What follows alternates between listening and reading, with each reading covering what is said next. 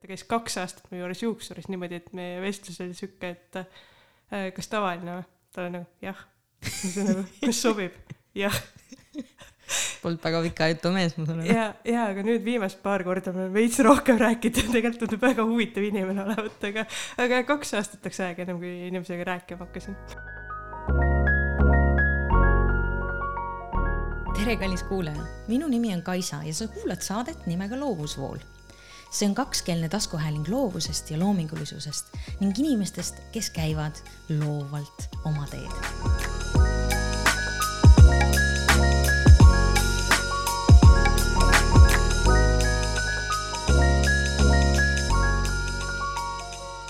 no tere, kallid kuulajad, taas kord oleme jõudnud tagasi jälle siia mõnusatesse Kene raadio ruumidesse. väljas lõõskab meeletu päike ja me kõik sulame.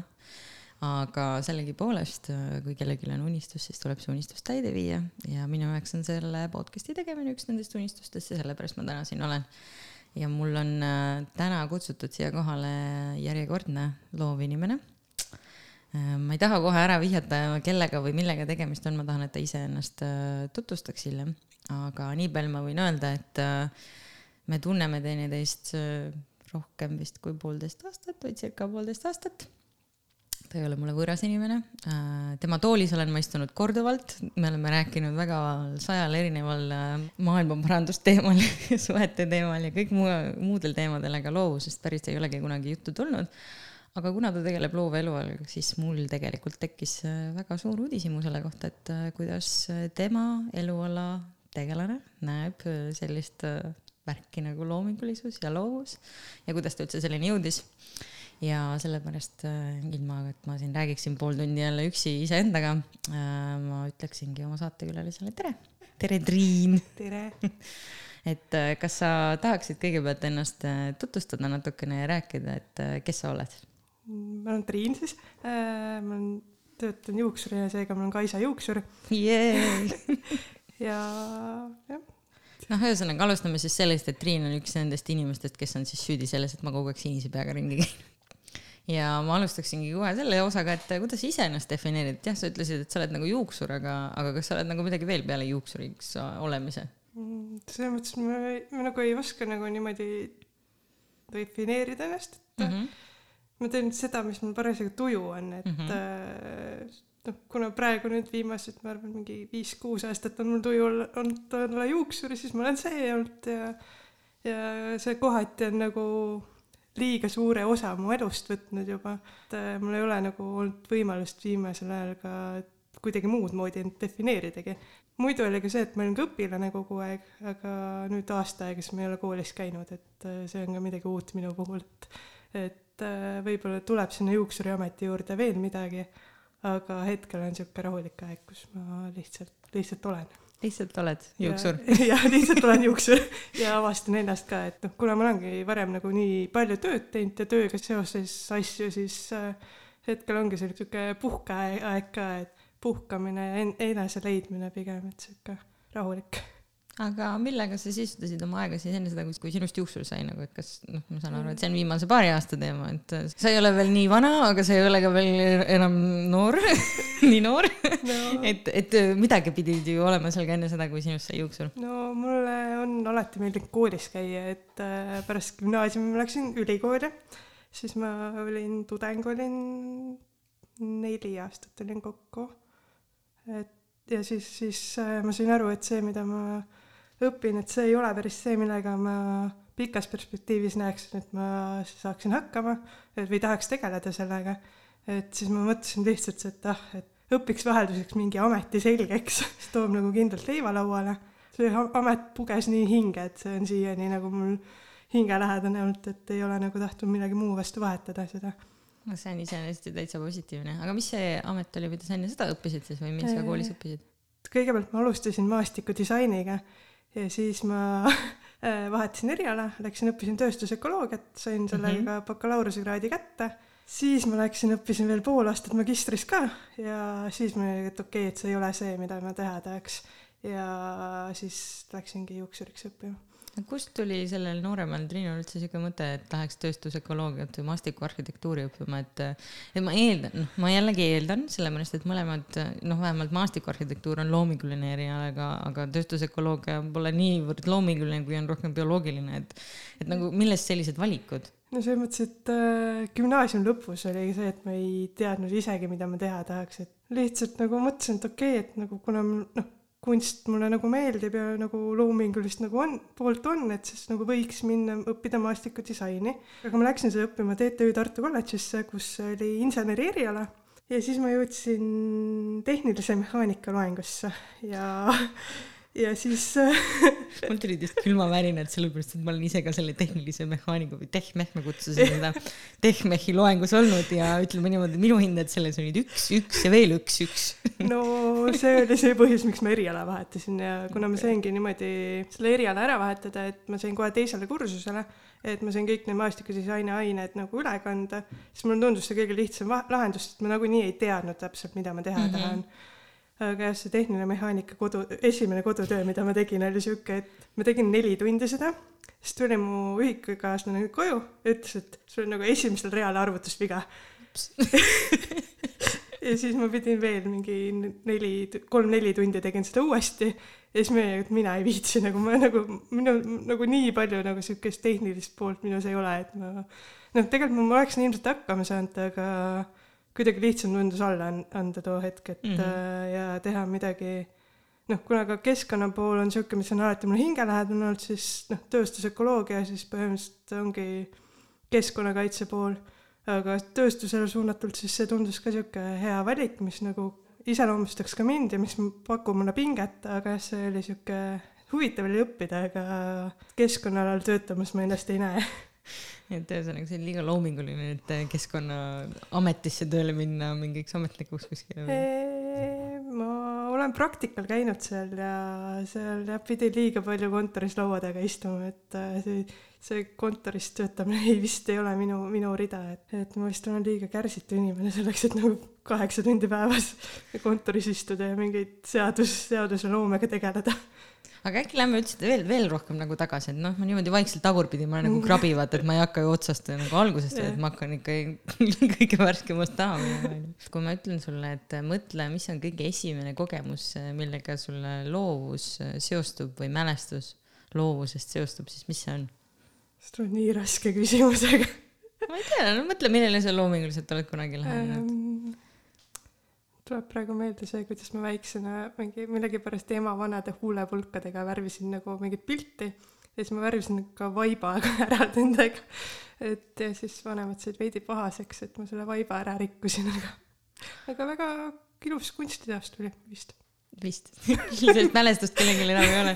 see on väga hea meeldetuletus. minu üks esimesi mälestusi loovusega on ka huulepulkadega, kuidas ma seinal tapeeti värvisin. mu ema on siiamaani räägib mulle sellest, et lilled olid küll ilusad, aga huulepulki väga palju alles ei jäänud ja tapeedi pidi ka pärast ära vahetama, nii et jaa, tundub, et nende huule naistel ja huulepulkadel mingi teema on, et kui need liiga lau laokile jätta lastele, et siis nad lähevad nendega hullama. ma arvan, et tüdrukutele ilmselt meeldivad need huulepulgad, et kui endale näkku ei oska panna, siis vähemalt kuskile seinale või vaibale või. no aga peaaegu põhimõtteliselt on nad ju nagu suured pliiatsid. yeah., põhimõtteliselt nagu kriidid või rasvakriidid sarnased. issand, kui hea, ma praegu just mõtlen nagu hea pehme ka, vaata sellega ei pea palju vaeva nägema. juba, juba joonistub pilt okei okay., aga kui ma palun sulle rääkida mulle, et mis sinu jaoks loovus või loomingulisus üldse on, siis kuidas sina defineeriksid selle? sa tuled jälle nii raskete küsimustega, aga. võid lihtsalt vastata. no selles mõttes loovus, see on nagu, see on sihuke, sa lood midagi, aga mm -hmm. selles mõttes, et äh, sa ei pea nagu olema sihuke alati nagu kunstiga seoses, sa peadki midagi looma mm -hmm. või noh, sa ei pea, aga sa võid luua see ei ole käsk. et see, kui sa midagi teed, mis annab mingisuguse tulemuse, siis see ongi juba loo-, loovus. nii et sellele kindlaks aga millele sina oma elus loovalt lähened siis, peale selle, et sa ka juuksuräämetit teed, et ma tean, et sul on ka teisi huvisid, et äkki sa tahad nendest ka natuke rääkida? Ma arvan, et me põhimõtteliselt kogu aeg oleme suht loovat, loovat lähen-, lähenemistega elule, et mm., et äh, alati ei ole need kõige, kõige tavapärasemad lahendused, vaid on need, mis nagu toimivad, aga on natuke loovamalt lähen-, lähenetud. ehk siis näiteks äh, mul oli pikka aega kodus sihuke diivanilaud, et äh, mul oli äh, köögi tasapinnast lõigatud välja sihuke ümmargune ring ja selle alla oli pandud nagu põrandapesuämber, sest et nagu kaks asja, mis mul kodus olid jah, tegin, panin need kokku ja siis sain juba laua, et nagu ja see oli mul aastaid niimoodi, et aga nüüd ma tegin natuke upgrade isin seda, et ma panin sellele ri-, puu, puidust ringile alla vana tooli, katkise tooli jalad, et nüüd nagu on juba üsna lauasugune ja et see nüüd saab ämbrit vähemalt kasutada. ämbrit saab kasutada, et et jah, siuksed loovad lähenemised, lähenemised siukestele asjadele, et nagu põhimõtteliselt nagu teen prügist midagi edasi, et äh, või noh, ämber küll prügi ei olnud, aga need teised jupid olid siuksed, mis ma muidu oleks pidanud ära viskama, aga siis ma leidsin neile uue lahenduse, nagu kasutuse, sihuke väike taaskasutus. jah. okei okay., kas taaskasutus on sinu jaoks nagu mingi oluline punkt üldse elus? no selles mõttes, et kõigest tuleb või viimast võtta, et nagu tuleks nii ära kasutada, kui vähegi võimalik, et see on see keskkonna pool, mis mulle alati hingelähedane on, et, et ei tasu nagu lihtsalt tarbida ja minema visata kogu aeg kõike. kas see keskkonna pool tuli sul nagu koolis või see nagu siis, kui sa koolis käisid nagu seda ametit Ei, õppimas selles või see oli juba enne seda? see oli ilmselt enne, et kuna mul noh, no ema on nagu geograafi taustaga, isa on metsanduse taustaga, et siis ongi see, et nagu kogu aeg sihuke loodusega seoses teadmisi nagu ikka mm. -hmm. rohkem nagu omand-, omandanud ka, ka kodusest kasvatusest, et siis see on ilmselt nagu lihtsalt tulnud minuga kaasa juba väiksest peale, et et ei ole niisugust nagu raiskamise kultuuri mu peres olnud kunagi, et siis ilmselt sealt on see nagu juba, juba nagu hingelähedane olnud, et ja siis ma nüüd üritan ikka veel samamoodi jätkata, et et see liigtarbimine lihtsalt ei ole minu teema. aga kas sa olid juba nagu väiksena siis loomingu, ma saan aru ja noh, mängisid hullasid seal nende huulepulkadega, kas su loovus või loomingulisus või sihuke loominguline külg siis, kas see nagu väljendus milleski muus ka, kui sa olid nagu noorem? noh, tegelesin pikalt tantsimisega, mis on Mm, ka loov. üsna, üsna loov, et et sellega ma su-, vist tegelesin kokku äkki kaksteist aastat. issand, see on ju väga pikk aeg. et, et no mingi hetk ma kunagi käisin ka kunstiringis, see oli ka kunagi ammusel ajal. loo-, loomingulisi tegevusi on nagu hobideks ikka olnud, et no siiamaani aeg-ajalt ikkagi joonistan ja saan mingi paberi kätte ikka kritseldan et see on jah, sihuke ka nagu hobi mida sa tavaliselt kritseldad? No oleneb täitsa tujust, et äh, vahepeal mulle meeldis vesivärvidega teha, vahepeal meeldib lihtsalt pliiatsiga mingeid äh, ühe joonega pilte teha või mm. -hmm. siis äh, lihtsalt mingisuguseid neid nagu doodles mm. -hmm., neid mingeid Centangle'id mõtled või? Neid jah, põhimõtteliselt jah, eestikeelset vist head vastet ei olegi, nüüd nimetame lihtsalt sikerdamiseks. jah, põhimõtteliselt mingi sikerdad ja siuksed.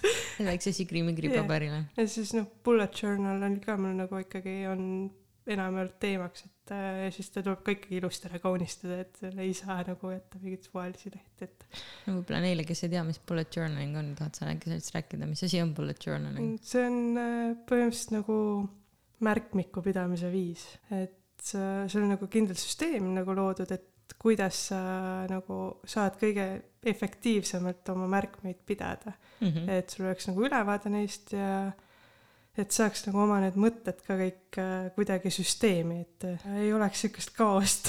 et äh, kuna mul muidu on nagu endal üsna tihti suht suur kaos oma märkmetega, sest et ma suudan kõik oma, oma lendlehekesed ära kaotada, siis bullet journal on sihuke hea koht, kus ma saan nagu kõik ühte kohta panna kirja ja siis äh, mul on ülevaade sellest olemas, et äh, et see on selles mõttes hea süsteem, kuidas, kuidas oma märkmeid märkida. okei, nii palju kui mina olen aru saanud, siis bullet journaling on ka nagu väga siukene nagu kunstivorm omaette onju, et see ei ole ainult nagu see süstematiseerimise osa, aga seal on nagu väga suur loovusosa ka. ja et see, see on tegelikult nagu mingi omaette mingi asi seal juures, et äh, tegelikult põhipoint on see, et need märkmed oleks süstematiseeritud mm. -hmm. aga see on nagu see, et mingi osa inimestest arvab, sul on vaja nagu nii palju nagu joonistada, et ikka ilu, ilusad märkmed oleks, et äh, kas joonistada mingi teipidega, mingeid möllata seal, mida iganes veel teha, et nagu nii, nii loominguliselt saab läheneda sellele, et äh, piire ei ole kuskil, et äh, mina tavaliselt küll olen sihuke minimalistlik, et teen nagu põhimõtteliselt musta pastakaga siis äh, või tintekaga teen need joo- joonistused, et mulle nagu sihuke väga kirju ei meeldi, et aga mulle meeldib, et oleks ikkagi ilus, et oleks sihuke lillekesed ja igasugust, mis on, on näiteks see, siis kui, siis kui veel kunagi reisida sai, et siis mul oli nagu, nagu nende päevade peale joonistatud äh, selle linnapilt, kuhu ma plaanisin minna, näiteks oli Londonist oli pilt joonistatud. et, äh, et see ongi see, et kuidas, kuidas ise, ise nagu mõtled, et seda hea kaunistada oleks mm. -hmm no kõlab küll igatahes väga põnevalt, ma nüüd tahaks juba lausa seda Londoni pilti näha, ehk kui meil õnnestub ta sinu käest hiljem küsida see pilt, et ma saaks seda näidata teistele no,. või, võib-olla, võib-olla.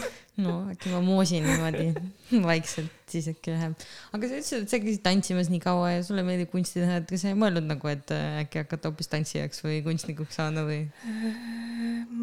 Või liiga praktiline lihtsalt selle jaoks? ma arvan, nagu kuna peale siukse loomingulise külje ma üsnagi teadmisega nagu reaalainetes, siis ma arvasin, et pigem tahaks teha midagi sellist, millel on nagu rohkem kaalu, kui on lihtsalt äh, mingi loomeinimestel, et äh, mingi noh, mingi hetk ma mõtlesingi, et tahaks arhitektiks saada, et või, või noh, ongi maastikuarhitektuur on põhimõtteliselt ka juba sinna suunas, et äh, aga, aga jah. aga miks just arhitektuur?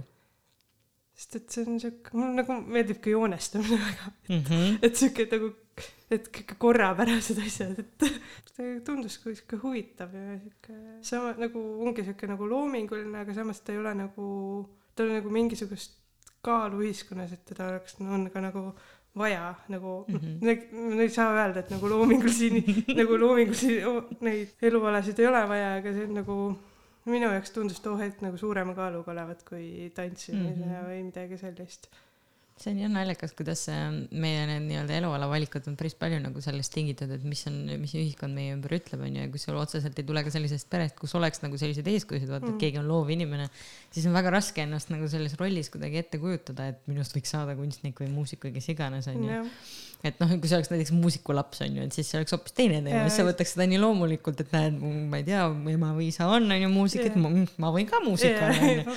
aga kui üks geograaf ja teine, kes see teine oli? metsandus. noh, metsandus, siis see maastikuarhitektuur tundub väga loogiline valik seal kõrval. Et see tavaliselt kipub ka niimoodi vanemate poolt olema, et nad ise suunavad sind ka natukene rohkem nagu siuke noh kahe jalaga maa peal tuleb olla ja tuleb, tuleb rahulikult asju teha. seoses sellega, et siis, kui ma oma eriala vahetasin nagu, jätsin oma magistriõpingud pooleli ja läksin juuksuriks õppima, siis see, see ei olnud kõige lihtsam asi, mida teha mm.. et, sest et vanemad ei olnud väga siuksed rõõmsad, et ma mingi magistriõpingud pooleli jätan mm -hmm. ja lähen juuksuriks õppima, et nagu. mis sul arus on et põhimõtteliselt jaa, aga, aga siis ma ürit-, sain neile selgeks teha, et ma jätsin nagu esimese poole pealt pooleli et siis ma sain nagu uuesti tasuta õppima minna mm, -hmm. sest et, et kui ma oleks poole, pooled õpingud ära läbinud, siis ma ei oleks enam saanud tasuta õppida mm -hmm. mingi aja vältel, et äh, siis, siis mul oligi see nagu põhiargument, millega nagu ma sain nagu vanemad nõusse, et ma jätan pooleli ja lähen, lähen õpin midagi, millest mul ka kasu võib olla. ja noh, siia, siiani nagu on, et aga see on ju naljakas, kui ma sind kuulan, kuidas sa räägid nagu sellest, et läksin juuksuriks õppima, siis ikkagi tundub nagu, et sellega käiks kaasas nagu mingi sihuke väike stigma, et oh, ma ei olegi nagu päris inimene, ma olen ikkagi, ma olen ainult juuksur või et noh, ma olen kunstnik, noh umbes sihuke vaata.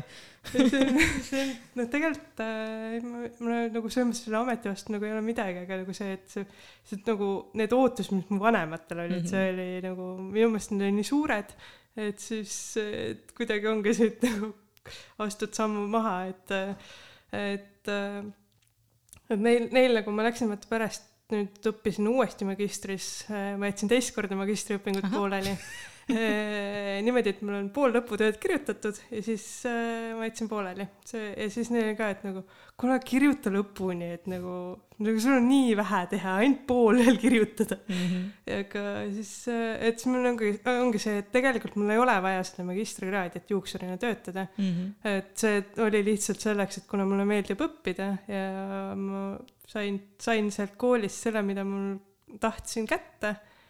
Aga ma ei ole see inimene, kes on nõus mingeid teadusartikleid või mingit lõputööd kirjutama, et no see tundub et... ka siuke hästi naljakas, et jälle, jällegi ühest küljest sa nagu lähened sellele väga loomalt, see ongi niimoodi, et äh, ma lähen sinna võtma seda, mida mul vaja on ja kõik muu on minu jaoks nagu üleliigne ja ebavajalik ja milleks me üldse selle peale aega raiskame. saan ma õigesti aru? põhimõtteliselt, et okei. et no selles mõttes tegelikult see lihtsalt tekitas nii palju stressi, et osad inimesed saavad hästi kirjutamise, lõputööde kirjutamisega hakkama, aga nagu minu jaoks oli see sihuke stressiallikas, et ma mingi kolm aastat vist mõtlesin sellele nagu, et jaa, et ma kunagi teen selle, kunagi teen selle ja siis nagu, et ei, ikka ei tee, et no pole hullu, ma tean isegi ühte inimest, kes tegi kümme aastat hiljem oma lõputöö lõpuni, nii et sul veel aega on. ja mul on kõvasti aega. selles suhtes okei okay,, et sulle meeldib nagu õppida, et sa nüüd õppisid nagu õppimised ära, arvad sa, et sa lähed veel mingi hetk kooli või? ma, kui aus olla, siis ma mõtlesin, et peaks varsti hakkama kandideerimine pihta, et et võib-olla äkki leian midagi, kuhu minna õppima. aga hetkel kindlat plaani ei ole, et vaatab, vaatab jooksvalt, et Mm -hmm. et mingisugused mõtted on, mida, millega ma saaks nagu oma praegust tööd siis nagu juuksuriametit äh, nagu paremini teha. ehk siis nagu üks mõte oli minna mingisugust turunduse as- asja õppima, täpselt, täpselt plaani ei ole. et äh, see aitaks mul en- nagu ennast rohkem turundada. Või siis teine pool, mida ma mõtlesin, oli, on näiteks, et floristiks õppida, mm -hmm. et äh, siis saab nagu juuksekaunistusi ja asju ka teha, et mida noh, need on nagu huvitav lähenemisnurk., et selles mõttes et nagu nüüd äh, eelmine nädal sain ühe juuksekaunistuse teht- teht- teha ja siis see nagu sihuke mõnus nikerdamine, et, et see nagu, kuna see pakub huvi, et siis nagu miks, miks mitte nagu õppida seda nagu rohkem ja süvitsi, et äh, olla selles nagu parem. See on ka muidugi huvitav, on, on inimesi, kes räägivad seda, et, et noh, et idee ei olegi see, et saada mingil alal eksperdiks, vaid et äh, saada nii-öelda noh, on teatud tüpaaž inimesi, kes, kellel piisab tõesti sellest, nad saavad nii-öelda nagu kergelt viisi spetsialistiks, noh, umbes kaheksakümne protsendini viid iga selle asja, mida sa õpid, et noh, õppisin juuksuriks, nüüd ma kaheksakümmend protsenti olen juba nagu noh, peaaegu nagu ekspert, aga noh, mulle piisab sellest, onju. siis võtad järgmise asja sinna kõrvale, saad sellest nii-öelda jõuad selle kaheksakümne protsendini, et sa nagu pidevalt arendad ennast, aga see ei, see ei ole nagu nii, et sa õpid ühe asja ja siis ainult seda teedki, et et kas sa oled pigem siis selline inimene, kellele meeldib palju erinevaid asju teha? mul, on see, et äh, mul viskab kiiresti koppa ette, kui ma pean tegelema päevast päeva ühe ja sama asjaga. sellepärast ongi juuksuritöö väga hea, sest et mul on põhimõtteliselt ongi iga paari tunni tagant vahetub kliente, vahetub ka töö. et äh, mul ei ole, ei teki seda nagu rutiini ja, aga siis ongi see, et äh, kui sinna kõrvale võtta veel midagi, siis ongi see vahelduvus olemas, et äh, ma ei keskendu ainult ühele asjale, et ma saan nagu teha vaheldusrikkalt asju, et ma ei, mulle ei, ei meeldi see, et kui ma nagu ma, ma ei kujutagi ette, et ma peaks nagu ainult ühe asjaga tegelema mm, -hmm. et, et äh, pigem olen jah see inimene, kes tegeleb mitme asjaga ja, ja noh, samas praegu ongi see, et tegelikult juuksuriamet on see, mida ma ilmselt tahaks pikemat aega tegeleda sellega. ma olen erialaselt nii palju koolitanud ennast ka, et äh, sellist on nagu nii, nii hingelähedaks selleks muutunud. aga jah, ma tahaks midagi nagu juurde õppida, et saaks nagu oma tööd nagu veel paremini teha või oma, oma klientidele siis veel mingisugust sihukest lisa pakkuda mm. -hmm. et see olekski nagu see, et äh, ma enam nagu ei mõtle minna õppima midagi, mingi muu eriala peale, mis nagu ei oleks seotud minu tööga, vaid pigem ongi seda, et ma saaks nagu tööalaselt rohkem areneda. et leida mingi veel mingi loov nagu sihuke teine nurk sellele ametile millega sa saaksid nagu niši leida siis või Jah. nagu olla rohkem erilisem. ja et nagu, et oleks olekski mingi sihuke lisa nagu pakkuda, et no see on muidugi iseenesest väga põnev, vaata, et sa ütlesid just, et nagu floristikasse minna ja siis sealt õppida nagu mingeid teadmisi, mida sul pärast läheb ju juuste sättimisel vaja või juust, juuksuriametis vaja. et see ongi see, et see on nagu kombineerida neid mm Mhm. -hmm. teadmisi, et et see tundub minu jaoks nagu huvitav, et nüüd, et noh, see, see on lihtsalt, me mingil koolitusel, ühel jah, see oli ühel pulmasoengute koolitusel, seal me tegime ka neid, aga aga see ongi sihuke korra kiirelt teed ära ja siis lähed eluga edasi, aga tahaks mm Mhm. -hmm. nagu natukene rohkem teada nagu lilledest ja nagu sellest, kuidas, kuidas nagu mis lilled kokku sobitada ja seda poolt ka, et et siis see floristi eriala tundus sihuke huvitav. Mina, mul vahepeal nagu tekkis siuke assotsiatsioon ka, et noh, et loovus iseenesest ongi ju nagu siukene, et ähm, et sa nagu paned pusletükke kokku, et leida midagi uut, mingi loov lähenemine mingile uuele asjale onju, et igalühel on lihtsalt oma pusletükid onju, mingid oma teadmised, mida nad on õppinud erinevatest asjadest, noh et ma ei tea, minu taust on ka arhitektuur on ju natukene seda, natukene disaini, natukene tehnoloogiat, IT-d on ju. et need tükid, mis me elu jooksul nii-öelda nagu kokku kogume, need pusletükid, et kui me need nagu omavahel kokku kombineerime, on ju, siis selle asemel, et noh, et, et pole nagu seda ühte universaalset puslet, on ju, mida kõik kokku paned, vaid igalühel on oma pusle, on ju. ja iga tüki kokku pannes nagu tekib nagu mingi täiesti omaette uus nagu asi, on ju. et mulle nagu tundub, et see sinu lähenemine elule või lähenemine sellele loovus, loovalt lähenemine nagu elule ongi ka natukene sellel sama samal asjal või samal kontseptsioonil nagu baseeruv, et ma leidsin, no okei okay,, floristika annab mulle võimalusi panna jälle inimeste juukseid kuidagi teistmoodi, onju eks see ongi see, et tulebki, tulebki vahepeal neid oma pusletükke teist värvi värvida ja siis neid sobitada ilusti, et mm -hmm. mitte võtta kellegi teise puslega tükke, vaid enda mm, -hmm. enda pusletükke nagu veits, veits kujundada ümber ja teha, et, et siis, siis jõuab siin nagu tahavad välja jõuda. kuidas sa üldse jõudsid selle juuksuriameti juurde, ma saan aru, okei okay,, sellest me rääkisime, tead, su vanematele see väga ei meeldinud, kuidas ise selle idee peale tulid, läheks juuksuriks nagu, eriti äh. nagu sellelt tööstustehnoloogialt kuidas, kuidas see ameti niimoodi selle tööstusökoloogia. tööstusökoloogia amet, jah äh, põhimõtteliselt tegelikult äh, ma olin enne seda juba mingi viis aastat äkki Youtube'i videosid vaadanud, küll meigialaseid, aga mu igapäevaelus oli umbes pool tundi iga päev kulus sellele, et ma vaatasin Youtube'ist meigivideosid. ja siis mul oli nagu see, et see iluvaldkond on juba olnud nagu põhimõtteliselt mingi Youtube'i alguses aegadest saadik mul nagu südamelähedane. siis, siis mulle tundus, et okei okay,, meikeri amet tundub ka nii mõttetu, et okei okay. et tegelikult ei ole, aga too hetk, et, et selles mõttes, et ma ei näinud, et tolle nagu ametiga nii suurt nagu võimalust äh, hakkama saada nagu igapäevaelus, et ainult mm -hmm. ainult tollest elatuda. et siis tundus, et see juuksuriamet on nagu selline iluvaldkonna amet, mis toob leiva lauale. siis, siis äh,, siis ma läksin kandideerisin ja siis ma sain sisse ja siis ma jah. mida üldse küsitakse seal, kui sa sinna kandideerima lähed? Äh, seal oli, kõigepealt oli kirjalik test, et mingid üldistest küsimustest, et isegi täpselt ei mäleta, see oli mingi aasta kaks tuhat viisteist äkki. see polnud nii ammu ju. kuus aastat tagasi juba nojah. et äh, mingi siukseid iluvaldkonna teemalisi küsimusi, siukseid üldiseid ja ja siis, kui see oli ära tehtud, siis kontrolliti üle ja siis said osad vestlusele ja siis vestlusel küsiti ka, et nagu just motivatsioonist, et kui, kui motiveeritud sa oled nagu juuksuriametis ja, jah. ja kui motiveeritud sa olid siis? no tundub, et piisavalt et jaa, minust saab järgmine staarjuuksur. põhimõtteliselt okay.. ei, ma arvan, et nii motiveeritud ma ei olnud too hetk või no selles mõttes, et äh, kuna ma pigem olen siuke introvertsem inimene, siis äh, siis äh, ma ei, ei olnud väga siuke suhtleja too hetk ja siis ma pigem olin siuke mm, jah, ma tahaks täiega juuksuriks saada see on muidugi väga julge valik introverdile juuksuriamet valida, mis on nii-öelda teada-tuntud see koht, kuhu kõik naised lähevad oma muresid rääkima, onju, või kõik inimesed üldse. no, no aga selles mõttes ongi hea, et teine räägib, mina ei pea midagi rääkima sa lihtsalt lubad neil olla? jaa, ma luban neil rääkida tühjaks, aga samas mul on nagu tegelikult hästi palju kliente, kes lihtsalt tulevad, istuvad ja nad ei tahagi rääkida. ja see on jumala fine, mulle sobib niimoodi, et mm ainuke, ainukest vestlust on äh, see, et äh, valime õige värvi veel, kuidas lõikame ja, ja siis mul on nagu meeskliente. üks meesklient oli selline, et ta käis kaks aastat mu juures juuksuris niimoodi, et meie vestlus oli sihuke, et äh, kas tavaline või? ta oli nagu jah. siis nagu, kas sobib?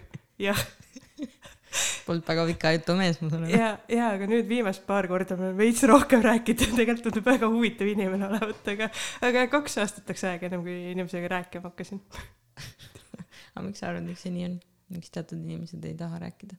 ma arvan, et äh, no lihtsalt nagu kas on päevast väsinud või lihtsalt nagu ei jaksa, nagu tahaks lihtsalt olla mm, -hmm. olla ja rahus ja puhata, et see on nagu sihuke, osadel ongi see, et ongi kodus on mingi pere, lapsed, koerad, kassid, mis iganes veel ja siis nad saavad tulla paariks tunniks siis lihtsalt istuma ja ei pea mitte millegile mõtlema, et siis see on nagu sihuke hea koht, kus nad saavad selle aja maha võtta ja saavad lihtsalt olla, et ja vahel ei ole vaja, vaja rääkida mm. -hmm. et vahel saab lihtsalt vaikselt istuda ja olla.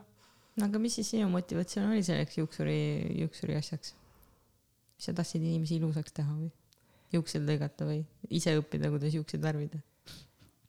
Pigem jah, mul pigem mulle meeldibki värvidega mängida, et mm. et äh, nagu su juustest näha, siis ilmselt, ilmselt äh, mulle on ikka, ikka veel meeldib värvidega mängida, et too hetk ilmselt ma see värviteooria nii südamelähedane ilmselt ei olnud, kuigi ma ütleks, et um-, noh, suhteliselt mu juuksurikarjääri alguses pigem ma ikkagi keskend-, nagu värv, värvimist teen, siis ma keskendun alati sellele, et mul peab olema süstemaatiliselt tehtud, mul peab alati ma pean teadma, miks ma mida teen, ehk siis ma peaksin, pean nagu teadma värviringist kogu seda värviteooriat, et miks ma valin mingi värvi, et saada mingit tulemust mm. -hmm. et see on, see on minu jaoks nii põnev, et ma tegelikult seal ei ole noh, nii palju loovust või kui see, et selle taga on see tehniline pool mm. -hmm. et mulle meeldibki see, et nagu ja ma saan valida selle värvi selle värvikaardi pealt ja siis mul on nagu, et okei okay,, ma pean tegema seda, seda, seda selleks, et saada see tulemus mm. -hmm. et äh, noh, kuule mulle meeldibki see, et ma saan kohati loo-, loovalt lahendada, aga seal on ka tegelikult see tehniline pool taga, mis mul nagu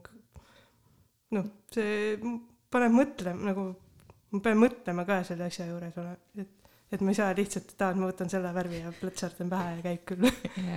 ja see on jälle see vaata, et kuidas välis, väljastpoolt nagu inimestele tundub, et ah, mis see juuksuräämat siis ei ole, võtad käärid, lõikad ja värvid mingit värvi, onju aga et noh, et äh, reaalsuses on see ikkagi nagu veidi äh, sügavam asi, et äh, seal on nagu ka selles suhtes sulle midagi pakub see, see süstemaatiline pool onju. see aitab sul oma mõtteid loogiliselt järjestada ja keskendub sind või paneb sind keskenduma onju. aga teisest küljest annab sulle ka siis võimaluse, et see on piisavalt varieeruv, et sul igav ei hakka sellega onju et see on nagu ka väga huvitav, et kas sa arvasid, et see saab olema selline, enne kui sa läksid õppima juuksuriks? ma arvasin, et ma äkki mingi paar aastat töötan juuksurina ja siis ma lähen teen midagi edasi, muud edasi, et. mis siis vahepeal juhtus või muutus või? ma arvan, et kõige suurem nagu see põhjus, miks ma selle ameti peal veel olen, on see, et et äh, no mitte veel nagu selles mõttes ma kohe plaaniks vahetada, vaid äh, sellepärast, et äh, ma vahetasin nagu, ma olin alguses ühes teises salongis, aga seal ei olnud väga motiveeriv kollektiiv. ma olin vist poolteist aastat juuksur olnud, kui ma vahetasin salongi ära ja läksin sinna, kus ma praegu töötan ja seal oli nii palju motiveerivam seltskond. Ja kui on sul on ümber motiveerivad inimesed, siis tõuseb enda motivatsioon teha ka. Ja et saada ja siis tekibki see, et tahaks, tahan veel paremaks saada. Et äh, kui enne ma ei näinud seda, et mul oleks nagu võimalust kuskile pürgida, siis praegu põhimõtteliselt pole piire. saan nii, nii palju nagu areneda ja õppida ja edasi jõuda kuskile, et mis oli siis seal see, mis motiveeriv keskkond, mis see, mis see motiveeris, see, et kõik tahtsid uh, uusi asju õppida või, või et uh...? no pigem ongi see, et uh, on nagu kursis trendidega, nagu käivad, koolitavad ennast, et äh, hoiavad nagu kätt pulsil, et äh, on kursis, mis, mis nagu toimub siin üldse üldiselt, et mitte ei tee niimoodi selle järgi, et ah, ma koolis õppisin ja nüüd ma teen nüüd kakskümmend aastat järjest täpselt sama asja, et nii ei jõua väga kaugele, et ma pigem ongi see, et mulle meeldib nagu õppida ja noh, ma ei tea, kuidagi see õppimise pool on mul nagu alati nii hingelähedane, et ma tahan kogu aeg midagi uut teada, et et see, see hoiab nagu töö ka, tööl ka värskena, et iga kord, kui ma jälle kuskil koolitusel käin, siis mul nagu jälle nii palju uut energiat teotahet, et tahaks, tahaks jah, tahaks kohe midagi proovida. tahaks kohe katsetada kellegi peal, inimkatseid teha ja,. jah, ikka okei okay,, aga mis sind, mis sind nagu inspireerib või kust sa üldse leiad selle inspiratsiooni nendest, ma saan aru, koolitused on üks osa sellest, aga kas on mingeid muid tegevusi ka, mida sa teed, et äh, üldse nii-öelda oma alal siis nagu värskena püsida ja neid asju nagu teha, et äh, ideid saada, keegi tuleb, et tahan seda või teist, asja, et kuidas sa nagu leiad selle õige lähenemise? Äh, tegelikult need inimesed, koolitused, need on nagu noh, on, on, aga see, et kui sa näed koolitustel kohtun nagu nii paljude inimestega, teiste juuksuritega, kes jagavad oma kogemusi, et siis see on ka kohati niivõrd nagu motiveeriv, et äh, keegi õpetab sulle jälle mingi väikse nipi ja mm -hmm. siis on nagu, et oh, ma saan seda enda töös kasutada ja siis see annab ka nagu, ongi see, et inimesed annavad nii palju energiat, et kui nüüd, mida rohkem nendega suhelda, seda rohkem nagu saabki seda teadmisi jagada. kas sul on äh, juuksurite koolkonnas ka mõni sihuke äge eeskuju, keda sa nagu vaatad või kelle, kelle puhul sul on niimoodi, vau, et kui ma suureks saan, siis ma tahan selline olla no üks, äh, üks, äh, üks on sihuke küll selline, kes on mulle väga, väga palju, noh, nendega tema koolitustel käinud, et on Rinaldo Paabel ta on mm -hmm. Tallinnas juuksur. Shout out to Renaldo Pavel. ta on lihtsalt nii nagu nii ta räägib nii kiiresti et ma nagu minu mõtted ei jõua kunagi nagu kohale või noh mm -hmm. mina ma ei sa ei jõua järgi nagu, neile ma ei jõua järgi neile ja siis mul läheb alati nagu aega ja siis ma see ongi see et kui ma jõuan koju siis ma mingi mõtlen aa ja siis ma saan nagu aru, mis tema point on, et mul on, et aga ta on sihuke hästi, kes on ka nagu kohati nii tehnilise poolega, poolega just, just nagu värvi poolest, et ta, ta nagu on, ongi viimast, viimastel aastatel rohkem nagu motiveerinud mind sellele poole, poolele ka rohkem rõhku panema. Mm, -hmm. et ongi, et äh, sul on see värvikaart ja see, see nagu vaatad sealt seda ja seda ja, ja siis ta on ka pannud mind mõtlema selle peale, et tegelikult tuleb nagu rõhku panna ka toodete pH-le, et ja muule sellele tehnilisele poolele, et millele igapäevaselt ei mõtle, aga tegelikult see on nii loogiline, et nagu sihuke see, ongi see tehniline pool selle ju-, ju-, juuksuri ameti taga, et Mhm. sellele tuleb nagu tegelikult nii palju rõhku panna, et saaks säästa juukseid, eriti just värvimise poolelt. kuidas sulle üldse tundub tänapäeva need kõik värvid ja see maailm nagu, et seal on ikka nii kirju nagu, et kuidas üldse juuksurina on sellel ähm, selles nagu keskkonnas ringi navigeerida, sihuke tunne on nagu neid saari on nii palju ja et kuhu nagu kelle juurde minna, et ma ei tea, valid Schwarzkopf või Schauma või, või Head and Shoulders on ju, tavainimene läheb poodi, ta ei saa mitte midagi aru, onju. Äh, mul on nagu väga palju neid nüansse, mis peavad olema täidetud. ehk ma ise kasutan Kevin Murphy värve, ma kasutan neid sellepärast, et äh, nad on põhimõtteliselt looduslikust ko- päritolu koostisosadest, ehk seal ei Mhm. ole nafta baasil toorainet, siis nende nagu toode, toodete pakendid on toodetud ookeaniprügist, mis on ka üsnagi nagu keskkonnaalase tausta tõttu üsnagi oluline minu jaoks. ja siis nende kõik aerosoolidelt läks vist veel kakskümmend protsenti läheb mingisugustele keskkonnaprojektidele, aga ma ei mäleta täpselt millistele mm. Mhm. ehk siis see keskkonna pool on seal nagu nii tugevalt seal sees, et äh, see, see on see, mille järgi mina valisin selle brändi, et äh, millega ma enamjaolt ikkagi töötan siis ma kasutan neid Hermantsi värve ka, millega ma sinu juukseid värvin ja noh, ka paljude teiste omi teistes toonides. et äh, need äh, on pigem selle järgi valitud, et äh, nad on ka siuksed vegan ja ka pigem siukesed keskkonnale suunatud, pluss nad on Soome bränd, ehk siis äh, see transpordikulu Eestisse ilmselt ei ole nii suur, et tõsi, Et- jalajälg on veidi väiksem. äh, see keskkonna jalajälg on nagu väiksem, pluss siis ongi see, et ta pigem, kui nad ongi siinsamas toodetud, siis ilmselt on toodetud äh, põhjamaisele juuksele, mistõttu Mhm. ta sobib ka siis nagu eestlastele paremini. ja siis ma kasutan ka ühe teise Soome brändi Simmi tooteid kohati, kuna nood on ka sellised, mis on äh, sobivad allergikutele ja on lõhnavabad ja siis need on, on ka väiksema jalajäljega, et see ongi põh- põhimõtteliselt minu, minu valikud põhinevad sellele, et ma eelistan brände, mis ei ole kuidagi seotud loomkatsetega, ehk mm -hmm. siis Mhm. ma jätan kõik need suured L'Oreal, Schwarzkopfid ja kõik Goldwelli ja mille, mis iganes välja mm. -hmm. sest et need ei ühti minu maailmavaadetega. Siis ma võtan need, mis on nagu veidikene puhtama koostisega ja nad ka mõtlevad ka keskkonna poolele. see tundub nagu väga oluline osa tegelikult sellest tööst ka ju, sest sa igapäevaselt töötad inimeste juustega ja kehadega ja nüüd noh, see kõik, mis sa teed nende peadega, tegelikult ju lõppkokkuvõttes ka mängib rolli sellega, et kuidas see lõpus välja nägema hakkab jah, no näiteks varem ma kasutasin ühtesid ammoniaagiga värve mm. -hmm. ja mul lihtsalt hakkasid ninaverejooksud tekkima ja Mm. siis ma vahetasin need ammoniaagivabade värvide vastu ja nüüd mul seda probleemi ei ole, et äh, sihuke väike asi. et siuke väike, väike püsiasi, et see, selles mõttes, et eks see on ka see, et kuna ma ise, ise olen puutunud nende värvidega kogu aeg kokku ja kõige muuga, kogu selle keemiaga, mida ma kasutan, siis pigem ma peangi vaatama seda, mis on mulle endale inimsõbralikum, et, et kliendile jaa, et mingi kord kuus käib värvimas, on vahet ei ole, mis ma talle pähe panen, aga see, et millega ma ise töötan, et mul oleks mugav töötada, siis see on see ka, mis mängib rolli. kas sa oma esimest juuksu, juukselõikust ka mäletad või? kas sa mõtled seda, mis ma nagu esimene, mis ma töö-, no kõige, no kõigepealt räägi siis kõige esimene, mis sul meelde tuleb. kõige esimese, esimene juukselõikus oli siis, kui ma mingi paari-kolmeaastane olin, siis ma lõikasin endal juuksed maha küünekääridega. Väga tubli, no mina selle asemel lõikasin oma ema hästi suurel sellel kaisukarvul, vaata karvu maha, ülihea oli lõigata, vaata hea karv oli. ei, mul oli lihtsalt see, et äh, vennad pidid hoidma mind, aga nad mängisid telekamängu ja siis ma, ma läksin vanemate magamistoa nurka ja lõikasin endale küünekääridega juuksed ära. sulle ei meeldinud see tukk, ma saan aru. ei, mulle, mulle meeldis, meeldis pärast see poisipea, mis mul oli, sest et nagu seal ei olnud midagi päästa. sa lahendasid lihtsalt probleemi väga loominguliselt omamoodi ja, et kõik lihtsalt ära, et aga siis vennad siis pahandada, et nad ei hoidnud mind. mm.. seega see, see oli kõige põhilisem, et nemad pärast pahandada saaks.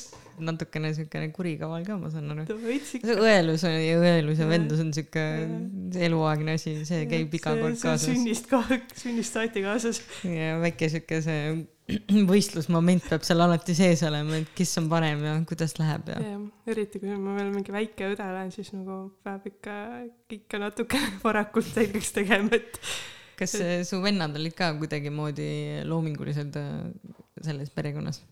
ma nüüd ei oska nii öelda, et aga keegi nendest tegeleb mõne loovalaga või pigem ei? pigem ei. okei, nii et sa olid niikuinii juba siuke väike luige preili seal selles pardiperes. jah, teistmoodi. veidikene. aga kas sa ise tundsid ennast teistmoodi üles kasvades? pigem mitte, et ikka, eks meil on nagu, mul on vendadega ka ikkagi ühiseid jooni ka, aga pigem oligi see, et nagu väiksena ma olin ka alati traktori parandamise juures, kui traktorit oli vaja parandada, et et aga üks ongi see, et nagu väiksena sain nii palju nagu eeskuju vendadest, see tüdrukulikum pool tuli alles kunagi hiljem välja, et et pigem jah, väiksena pigem siuke natuke poisilikum. Kas see tüdrukulik pool tuli välja siis, kui sa läksid juuksuriks õppima või ei, see oli, see oli juba enne. see oli nendest meigivideotest. meigivideod, see, see, see kas see sellest hakkaski pihta, see meigivideote vaatamine? Ma isegi ei mäleta, see oli nii ammu, et äh, sa räägid nagu see oleks olnud kakskümmend aastat tagasi. see oli mingi kümme aastat tagasi või rohkemgi. See oli ikka, ikka väga ammu, et siis, siis kui, siis kui mul lõpuks nagu kodus arvuti taha mind ka lubati, et kui need vennad lõpuks lasid, et siis, siis ma, ja siis ma läksin avastasin, mis Youtube'is on ja siis ma avastasin meigivideod.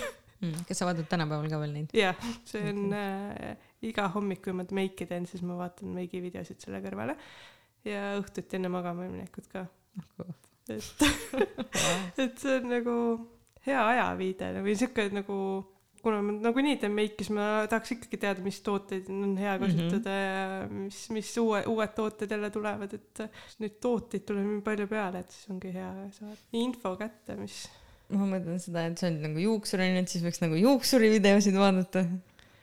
no selles mõttes, et ma tegelen nüüd tööl nii palju sellega, et, et äh, tööl ma vaata scroll in Instagramis, siis ma sealt äh, saan oma selle isu täis, et äh, siis õhtul, õhtul või hommikul tahaks ikkagi millegi muuga, et üritaks nagu seda töö ja siis nii-öelda eraelu nagu eraldada, et siis ma üritan töövälisel ajal vähem juuksevideosid vaadata ja mm Mhm. -hmm. muid siukseid asju teha. kas see juuksuriamet siis väsitab sind nagu töövälisel ajal või? no ütleks nii, et mingi hetk käisin vahepeal nagu kuni kuus päeva nädalas tööl, siis äh, lõpuks mul ei olnud lihtsalt eraelu et äh, käisin lihtsalt kodus magamas, et siis, siis oli selline periood, kus ma tõesti arvasin, et äh, peaks vähe hoo maha võtma ja praeguste elu, elutingimuste juures on see hoog maha sealt võetud.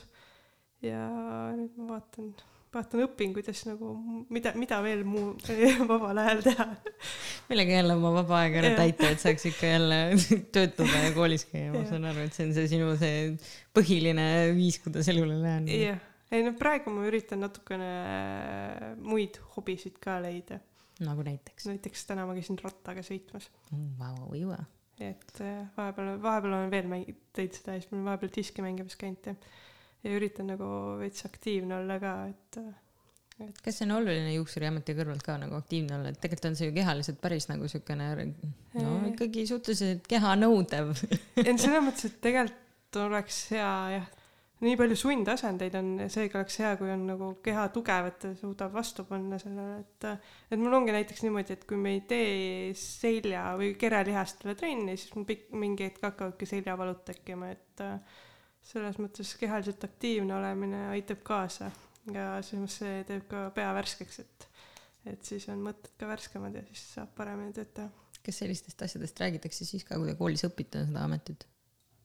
Eee, mitte väga, minu meelest mingisugune ergonoomika teema oli, aga ma täpselt ei mäleta. tegelikult võiks ju olla siis keset päeva onju väike Jah. painutus või väike joogatund või midagi või et nagu kohe vaata sellesse ametisse, enne kui sa sellesse ametisse satud, juba tekiks Mm. selline harjumus, et sa nagu ennast liigutad pidevalt, kui see ei ole tavaline.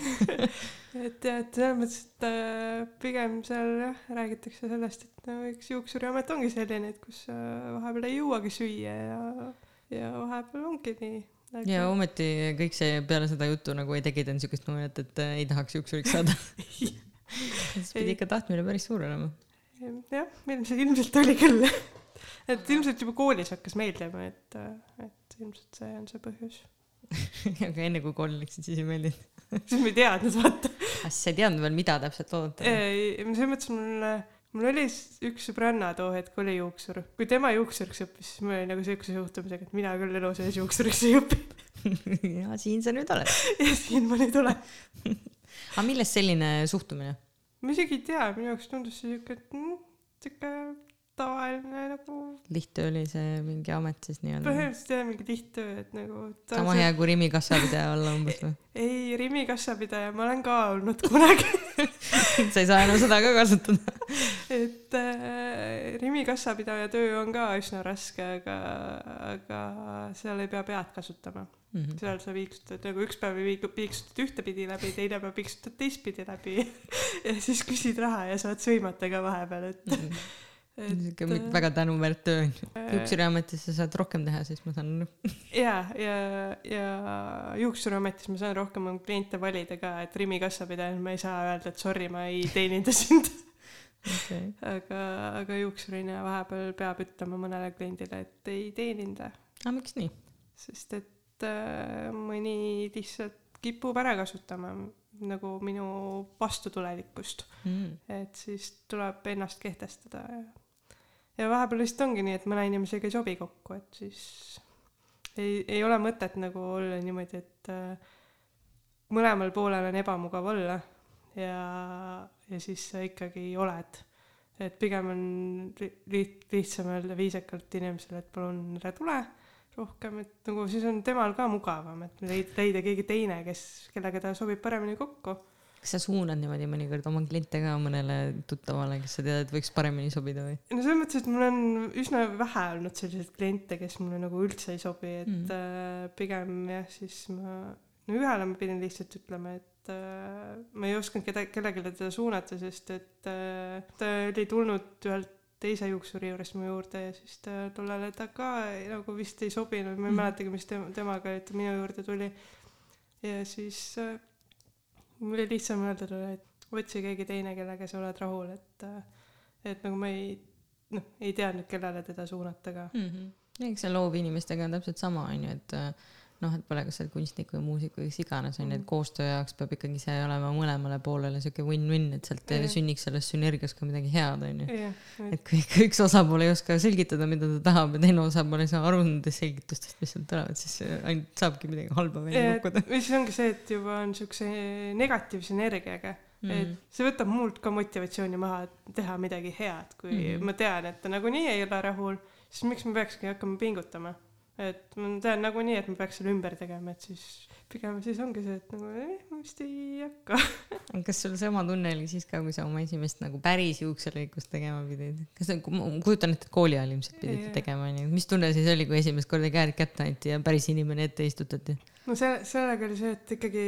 põhimõtteliselt iga, enne igat lõiget siis nagu õpetaja tuli, ütles nüüd teed nii, nüüd teed nii, et, et selles mõttes see see esimene lõikus võttis, ma ei tea, mitu tundi aega. Wow.. aga lõpuks sai hea tulemus, et aga see ongi see, et nagu alguses ei julge ise nagu võtta seda vastutust. Mm, -hmm. et siis ongi see, et nagu õpetaja, õpetaja, palun tule siia. Ta noh, näitabki kõik ette siis teedki nii, nii, nii nagu ta näitab, et sa õpidki need mingid tõsta nurgad ära ja kuidas sa just nagu, mis nurgal lõigates nagu õpid ära, kuidas see kukub, et et sa saaks sellise tulemuse, nagu sa tahad seda saada juuksuri töö iseenesest on ju ka hästi tehniline, mitte ainult nagu värvitehnika yeah. mõttes, aga ka see, kuidas lõigatakse yeah. juuksed on ju, et noh, täpselt need tõstenurgad on ju, ma kasutan ka väga te-, nagu ma teaks millestki midagi on ju. tõstenurgad peab olema õige, ma tean, et on mingi teemantlõike vist vist, aga kuidas üldse, kui, kui, kui mugavalt sa ennast üldse tänapäeval tunned nagu selles, et noh, sul tuleb täiesti võõras inimene on ju sinna ette, ma tean, et on erinevad näokujud, millel lõikused, värgid, et, et kas sa oled seda tüüpi juuksur, kelle juurde lähed ütled, et ma tahan selle Jennifer Anistoni tüüpi seda lõikust on ju, et siis sa teed sellesama või ütled talle, et kuulge, preili või proua või kes iganes te siin olete, on ju, teile ei sobi see no selles mõttes, et hästi raske on öelda, mis sobib, mis mitte, sest et tänapäeval on see, et kui inimene tahab midagi kanda, siis nagu kõik, peaasi, et ta ise selle välja kannab. ka siis, kui mina, no see, kas sobib või mitte, see on nagu minu isiklik arvamus, tema arvates võib talle see sobida ju. et äh, pigem ongi see, et nagu ma selgitan nagu neid äh, negatiivseid külgi, mis võivad esineda see, selle puhul, aga samas ma jätan selle nagu otsuse ikkagi selle inimese enda teha. et äh, no ongi, kui on mingid tahab mingi otsest sirget tukka lõigata ja tal on ikka otsa ees ikka sihuke pööris, et see pöörab ikka väga hullusti, siis ma ikkagi selgitan, miks see ei ole hea idee. ta teaks nagu selle risk, riskiga, et nagu kas, kas on mõtet seda riski võtta või mitte nojah, see on põhimõtteliselt, kui sa lähed, ma ei tea, panka või arsti juurde ka, onju, arst räägib sulle ka, noh, kui, kui veab, siis arst räägib sulle, onju, nendel teemadel, miks mingi asi sulle sobib või miks mingi ma ei tea, ravim sulle on oluline või ma ei tea, kui sa lähed stilisti juurde, ta ütleb sulle, millised lõiked sulle sobivad, on ju, et sama mm. tegelikult peaks olema idee poolest ka juuksurisse minnes, et et ta on spetsialist, sa usaldad teda, et ta aitab sul teha selle õige valiku, sest noh, mõnikord me arvame, et me teame, mida me tahame, aga tihtilugu on niimoodi, et need meie, me arvame, mida, et me teame, mida me tahame, asjad on ju, ei pruugi olla alati kõige paremad tulemuse andjad, on ju. nojah, seda küll jah, aga samas, samas vahepeal on see, et ma arvan, et see või, ei pruugi sobida inimesele mm, -hmm. aga tegelikult see võib sobida nii hästi, et ma nagu vau wow,, okei okay,, et me nagu, see ongi see, et ei tohi nagu liigselt nagu ka oma arvamust peale suruda, et et noh, stilist võib ka sulle öelda, et sulle ei sobi see, aga kui sulle, sa selle välja kannad, et siis nagu mis see, mis see, mis see, mis see vahet seal on, kas see sobib su kehakujuga või silmavärviga või et, et see ongi see, et peab ise, ise mugavalt tundma ennast. pigem oligi see nagu küsimus selle koha pealt, et kas sa nagu julged öelda inimestele ka, on ju, et nagu rääkida just sellest nagu professionaalsest äh, küljest, et kas sa tunned ennast juba nii mugavalt selles ametis, et nii palju kogemust sul on, et sa nagu mingid teatud siuksed suured vead suudad no, välistada no. Min, mingid ikka, et lihtsalt see ongi see, et vahepeal õpib sellest, et okei okay,, oih, veits tegelikult ei, ei sobi, aga okei okay,, et nagu siis järgmine kord tead, et. kas sul on mingeid hästi suuri fopaasid ka olnud oma teel? sellised, et nagu kunagi enam ei tee seda viga, sest ma tean, et see läks väga halvasti. no selles mõttes mingeid siukseid väga suuri vigu, mis on mu enda valesti tegemise tõttu olnud, selliseid on vähe, aga on olnud kliente, kellel on väga huvitavad soovid ja siis ma olen seda teostanud ja siis mul on ikka tunne, et see on ikka nii huvitav, et et selliseid on küll, et mul nagu mingi hetk oli üks klient, kellega, kelle puhul ma lihtsalt lootsin, et ta mitte kunagi ei ütle, kus, kus ta juuksuris käib.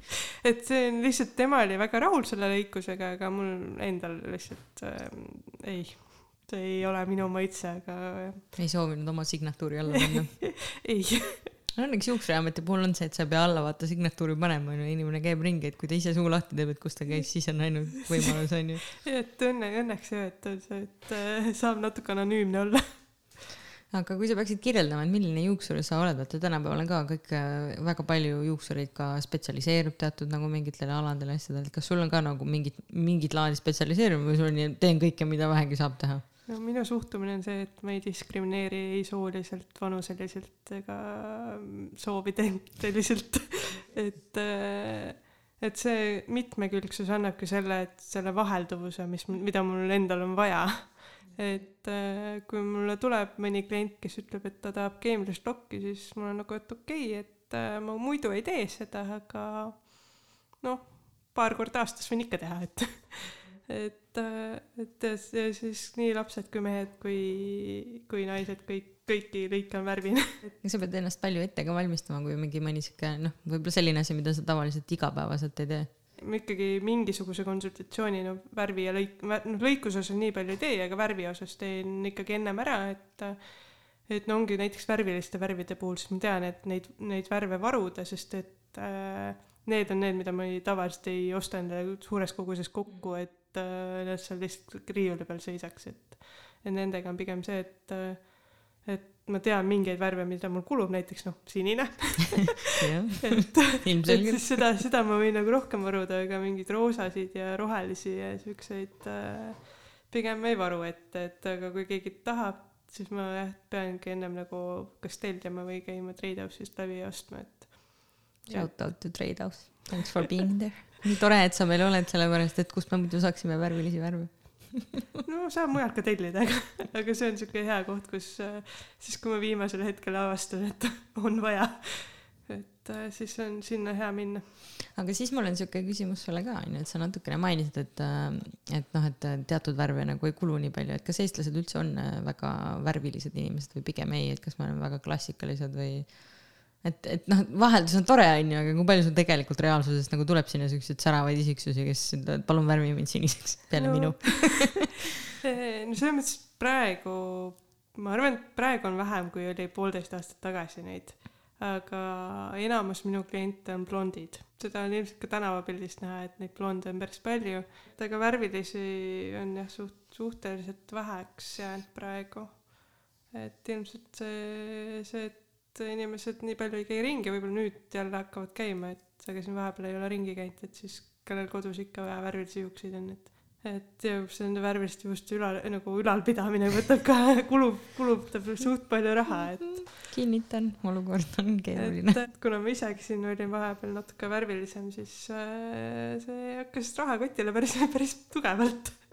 Ja üldse räägi, mis, mis teema sul selle kollase värviga on, et äh, Triin käis siin väga tihti meil kollase peaga ringi, et see on ka jälle huvitav värv, mida väga paljud tegelikult ei kanna. no selle kollasega oli nii, et äh, ma tegelikult tahtsin oma juukseid nagu täiesti blondiks värvida, aga me värvisime, me, me ei blondeerinud mu välja kasvõi, värvisime värviga ja siis ta jäi nagu minu jaoks liiga kollane ja siis me ah, värvime kõik kollaseks ära, sihuke neoonkollaseks enam-vähem. Ja siis äh,, siis hakkas meeldima ja siis ma olin pool aastat kollaste juustega.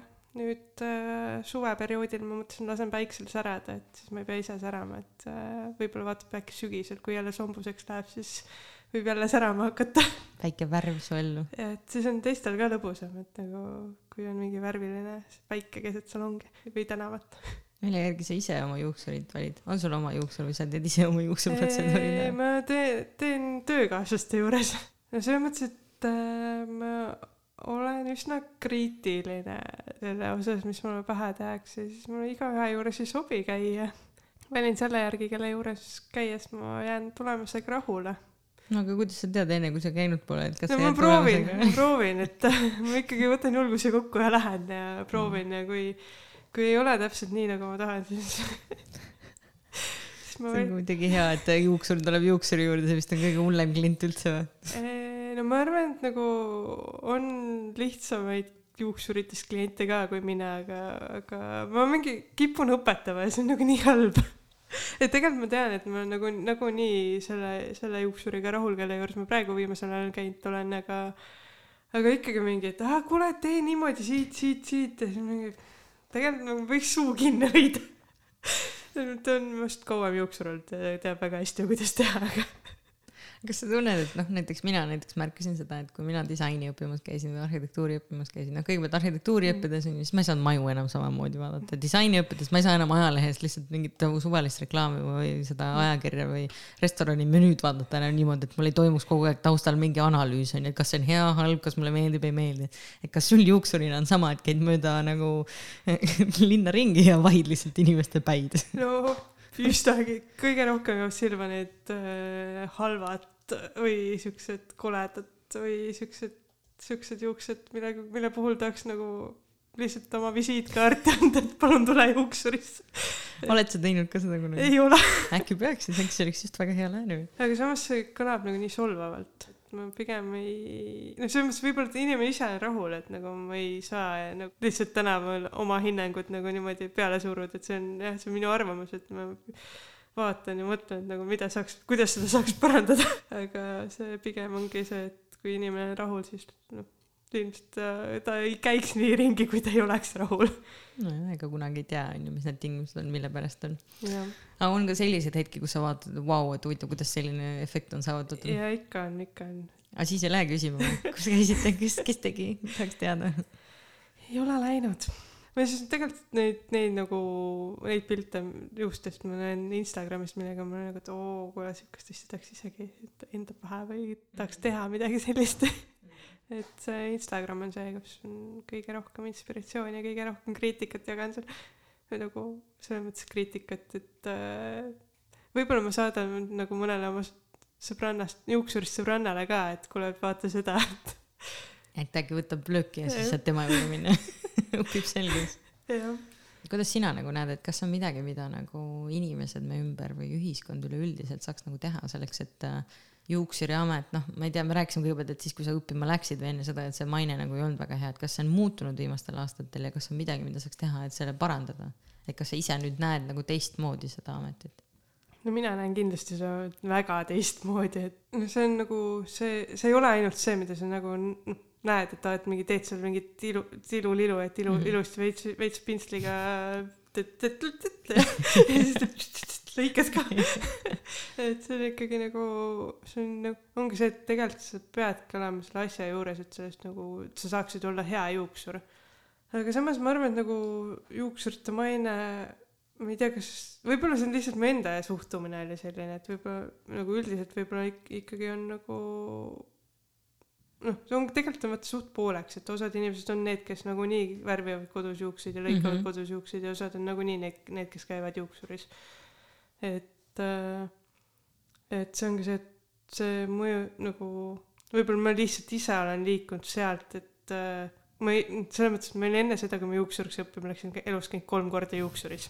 et ah, ma ilmselt okay. olen liikunud nagu sealt juuksurid vältivast seltskonnast juuksurite seltskond mm, -hmm. juuksurit külastavasse seltskonda, et et ma saan nagu aru, miks nagu juuksur on nagu vajalik, et miks nagu ise juukseid lõigates ei saa sellist tulemust okay. ja miks, miks ei saa ka siis sellist tulemust nagu juuksuris, kui ema lõikab juukseid ja et, et ma jah, olen saanud aru, miks, miks mul väiksena kogu aeg väga kummalised juukselõikused olid aga kas on midagi, mida sa ise tunned nagu, et, et võiks nagu ühiskonnas muuta või teistmoodi läheneda, et nagu, mis võiks tõsta nagu selle juuksuriameti prestiižsusse või sellist nagu anda sellele seda jumet, et see tegelikult on ikkagi loov ala ja see nagu ei ole lihtsalt tsipp-tsipp-tsipp kääridega ja natukene pintsliga ringi hängimine onju. ma ei teagi nagu selles mõttes, et võib-olla me oleme nii selle ametis sees juba, et me ei näe enam. neid nagu neid, neid, et äh, no selles mõttes siin ongi, töö juures on see, et äh, kui sa teed hingega, siis sul on piisavalt palju tööd, sul on piisavalt palju nagu tänu sellele ka ressursse, et elada, et ma ei, mina ei, ei, nagu ei tunne, et mul oleks millestki nagu puudu või midagi, et mm -hmm. keegi mind nagu halvustaks või midagi sellist, et see ongi see, et kui palju, palju sa ise tööd sinna alla paned, et siis seda, selle võrra sa saad ka selle suhtumise nagu sinusse. see on nii personaalne, siis see ongi, no oleneb ka nii palju juuksurist või, no inimesest, et kes, kes see juuksur täpselt on, et ma arvaks küll jah, et nagu see on pigem, pigem sihuke ka, et mina, mina olen nagu rahul sellega, kus ma praegu olen, et ei ole midagi nagu siukest, et, et tunneks, et oleks vaja midagi juurde aga kaua sul võttis üldse aega, et jõuda nagu sellesse nii-öelda heasse kohta, vaata, et kui sa lõpetad kooli, et siis ikkagi nagu noh, ma kujutan ette, et alg-, algajal juuksuril ei ole just kõige lihtsam viis endale kohe nagu kliente leida, et kus sina oma esimesed leidsid ja mis see sinu lähenemisnurk oli, et kuidas sa oma karjäärile alguse panid? mina alustasin äh, salongis, kus ma olin palgalise töötajana, töötajana. Mm -hmm. ja just sellepärast, et äh, siis mul oli kindel see, et ma saan miinimumpalga kätte. Ja mul on nagu noh, selles mõttes salongi poolt tulid ka siis mingisugused kliendid, eks mu enda sõbrad-tuttavad käisid ka mu juures, aga jah, see oligi see, et ma saaks kogemust. aga seal salongis mul ei olnud ka väga palju tegelikult tööd, mistõttu ma siis otsustasingi poolteist aastat hiljem äh, teha oma ettevõtte ja omal käel siis hakata pihta. hirmutav ei olnud ise oma ettevõtte teha, alles, alles lõpetasid nagu juuksurikooli, mis selles mõttes eks ta ikkagi oli, aga see poolteist aastat julguse kogu, kogumist ikkagi tasus ära, et oligi enne seda, kui ma oma, oma firma tegin, ma olin mõttel, et ma jätan selle ameti sinnapaika ja lähen mingi keskkonnaala peale tagasi. aga see oma firma tegemine oligi see, et mis nagu andis selle tõuke, et ma teen seda enda jaoks. ongi see, et kui me ei tee midagi nagu tööd kellegi teise jaoks, vaid ainult enda jaoks, siis see motiveerib, et nagu, et mida rohkem ma töötan, mida rohkem ma ennast promon, seda, seda suurema tõenäosusega mul ongi rohkem ressursse pärast elada, et, et siis see, see nagu ongi see suht suur motivaator ka, et. sa oled ise oma õnne sepp nii-öelda. et, et ma jah, teen, teen nii palju, kui mul endal vaja on kui tavaline see üldse on juuksurite seltskonnas, et sul on nagu ikkagi oma ettevõte ja sa pigem lähed kuskile salongi nii-öelda nagu ise oled nagu eraisikuna või selle ettevõtjana nagu seal salong, suure salongi all? no selles mõttes see on nagu üsna tavaline, et äh, renditakse siis salongist äh, töökohta. eks on ikkagi neid, kes on palgaliselt, võtavad töötajaid, aga, aga noh, minul on ka see, et kuna ma ei tööta ainult siin Tartus, vaid ma käin ka aeg-ajalt Pärnus, siis, siis mul ongi see, et mul on vabadus käia mitmes kohas teha, et et siis see, see, ongi see, et see annab vabaduse ringi liikuda, nii et ma ei ole nagu seotud ühe kindla kohaga, mis, mis, mis mulle nagu on ka nagu kohati oluline, et saakski liikuda, käia ja teha seal, kus ma ise tahan parasjagu tööd. kas sul mingi asi üllatas ka selle nii-öelda iseettevõtja olemise juures? ma saan aru, et alguses on see ikkagi natukene hirmutav, see, et sa pead, teed mingi ettevõtte, pead ise hakkama mingeid raamatupidamise asju, et noh. No selles mõttes, et raamatupidamine alguses mulle tundus nii lihtne ja tore ja huvitav numbrid ja värgid.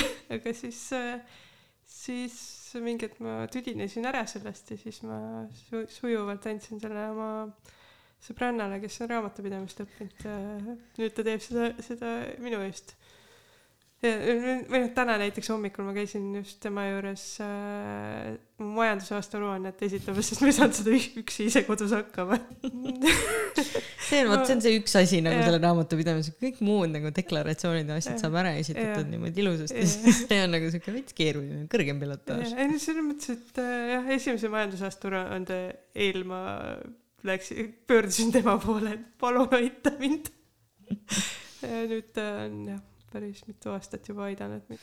kas sa, sa ise soovitaksid oma nooremale minale ka midagi praegu, et ta teeks teistmoodi või et tal oleks nagu lihtsam leida ennast sellel teekonnal selle ameti juurde, et, et ma saan aru küll, et äh, lähenetakse ka niimoodi, et äh, kõik, mis me oma elus teeme, on ju, aitavad, et meil jõuda välja sinna, kuhu me jõudnud oleme aga kui sa saaksid nagu mingit nõu anda oma nooremale minale, siis kas sa annaksid talle mingit nõu, see oleks? ma annaks seda nõu, et äh, tuleb teha seda, mida ma ise tahan et mitte nii palju sõltuda teiste arvamusest. ma arvan, et see on nagu üks asi, mis nagu kohati mind ilmselt äh, just seal gümnaasiumi lõpus ja ülikooli minnes, et see nagu mõjutas, et, et ikka, ikka nagu mingi vanematel olid ootused, et äh, kuna ma noh, olen lõpetanud siukse keskmisest kõrgema tasemega gümnaasiumi, siis äh, gümnaasiumi sa lõpetasid? Nõo Reaalgümnaasium oh,. Wow. et, et siis seal ilmselt juba koolis meile nagu enamjaolt oli suht selgelt selg-, selgeks tehtud, et nagu teie tulevik on ülikool mm -hmm. ja siis sealt edasi, et kool vaat suunab juba, vanemad suunavad ja siis ongi see, et tegelikult ma oleks pidanud nagu juba varem hakkama nagu tegema seda, mida ma nagu noh, eks ma ikka tegin seda, mida, mis mulle meeldis, aga ma oleks pidanud nagu rohkem võiks rõhku panna sellele, et teiste arvamus ei ole nii oluline mm. -hmm. et ma pigem peaks nagu enda jaoks asju tegema kas sinu jaoks nagu üldse selle avastamine, et milliseid asju sulle meeldib teha, et kas see tuli pigem keeruliselt või oli see lihtne? aga sa lihtsalt ei tahtnud tunnistada, et need seal on? Äh, no selles mõttes, et äh, ma olen üsnagi palju väiksena puutusin kokku suhtumisega, et ah, mis sa ikka seda teed, et äh, noh, ah, mis, mis see mingi sihuke mõttetu asi on, tegelikult, tegelikult mm -hmm. nagu see ongi, see võtab nagu endale nagu siukse, tegelikult ma tahaks teha seda, ma tahaks proovida. aga sihuke suhtumine võtab juba selle äh, tahte ära mm. entusiasm kaob onju, kui keegi ütleb, et jah, mis, mis, mis sa ikka teed või mis, mis, mis lollusega sa jälle pihta hakkad, et, et pigem ongi see, et nagu rohkem nagu proovida ja teha ja avastada juba nooremalt, et äh, noh, mina olingi pikalt olin tantsimise juures, et vahepeal ma mängisin korvpalli ka, aga meil oleks võinud olla nii palju teisi hobisid ka, et äh, leida varem ennast või hakata sellega tegelema, et, et mitte nagu sõltuda ikkagi teiste arvamusest. millist tantsimist sa üldse tegid? Ma käisin ühes showtantsugrupis olin ja siis me noh, näos oli meil ja siis äh, mingi hetk ma tegelesin rahvatantsuga ka. aga põhiliselt showtantsuga. kas sa oled nagu iga Eestis rahvatantsu tantsiv tantsija käinud ka siis sellel suurel peol? ma olen äh, võimlejate rühmaga käinud seal no., mitte rahvatantsuga, aga olen korduvalt käinud nii noorte tantsupeol kui tä-, et üld, üldtantsupeol kui ka siis on Kalevi võimlemispidu vist on ka, et mm. ja tantsurühmaga kõige kaugem koht, kuhu ma esinema jõudsin, on Uus-Meremaa. et sai ikka, ikka nagu käidud igal pool ringi. kas sa tänapäeval ka veel tantsid? hetkel mitte. on sul mingi põhjus? pigem vist ei ole et äh, ei ole mõelnud, et tahaks uuesti tagasi tantsima minna? no võiks, et ma lihtsalt ei ole või võib-olla kogun hoogu milleks? Ma ei tea. Et uksest sisse minna. Ja et võtta end kokku. Ei no selles mõttes me kodus ikka tantsime ikkagi. Ma vahepeal vahepeal oli oli kombeks ikka päris palju kodus tantsida. Mm. kas see annab sulle midagi mida sa muidu võib-olla tavaliselt ei saa? Äh, see annab hea tuju, sest et äh, see muusika juba tekitab siukse hea tuju, et siis äh, võtab puusa nõksuma, aga siukse praeguse palavusega ei saa, ei saa, et see on nagu, et istudes juba on palav, et siis, siis ei taha nagu liigutada, aga ma ükspäev panin just selle playlist'i mängima, siis ma nagu, et Demit tahaks tantsida, aga ei. et käe liigutamine juba on nagu ka märk põhimõtteliselt. Kuidas sa ise suhtud sellesse, et nagu palju vaata räägitaksegi sellest, et on ju noh, et kõik loovinimesed on siuksed peaga pilvedes on ju, et noh, mis, mis sellised inimesed üldse ettevõtlusest teavad ja et kas nad üldse nagu peaksid seda tegema, et kuidas sa ise tunned, et mis nõu sa ise teistele inimestele annaksid, kes mõtlevad sellest? no selles mõttes, et äh, sa saad alati võtta kellegi appi endale, kes mm. sulle aitab sind just selle, ongi raamatupidamine on see kõige, kõige keerulisem pool, et selle ettevõtluse juures, et äh, noh, selles mõttes, et ettevõtlik võiks nagu iga inimene mingil määral on ettevõtlik, et see on, oleneb sellest, kuidas sa tõlgendad seda, mis on, aga, aga jah, oma ettevõtte loomine ja sihuke see pool, need ei ole nagu noh, hirmud või midagi siukest, et, et mis on nagu asjatud tegelikult, sest et see ettevõtlus tegelikult on lihtsalt see, et sa teed seda selleks, et sul endal oleks hea ja see pigem ongi see, et ei, tuleb lihtsalt teha nagu, nagu, nagu mitte mina just, ma olen kogu loogu, et. ja, ja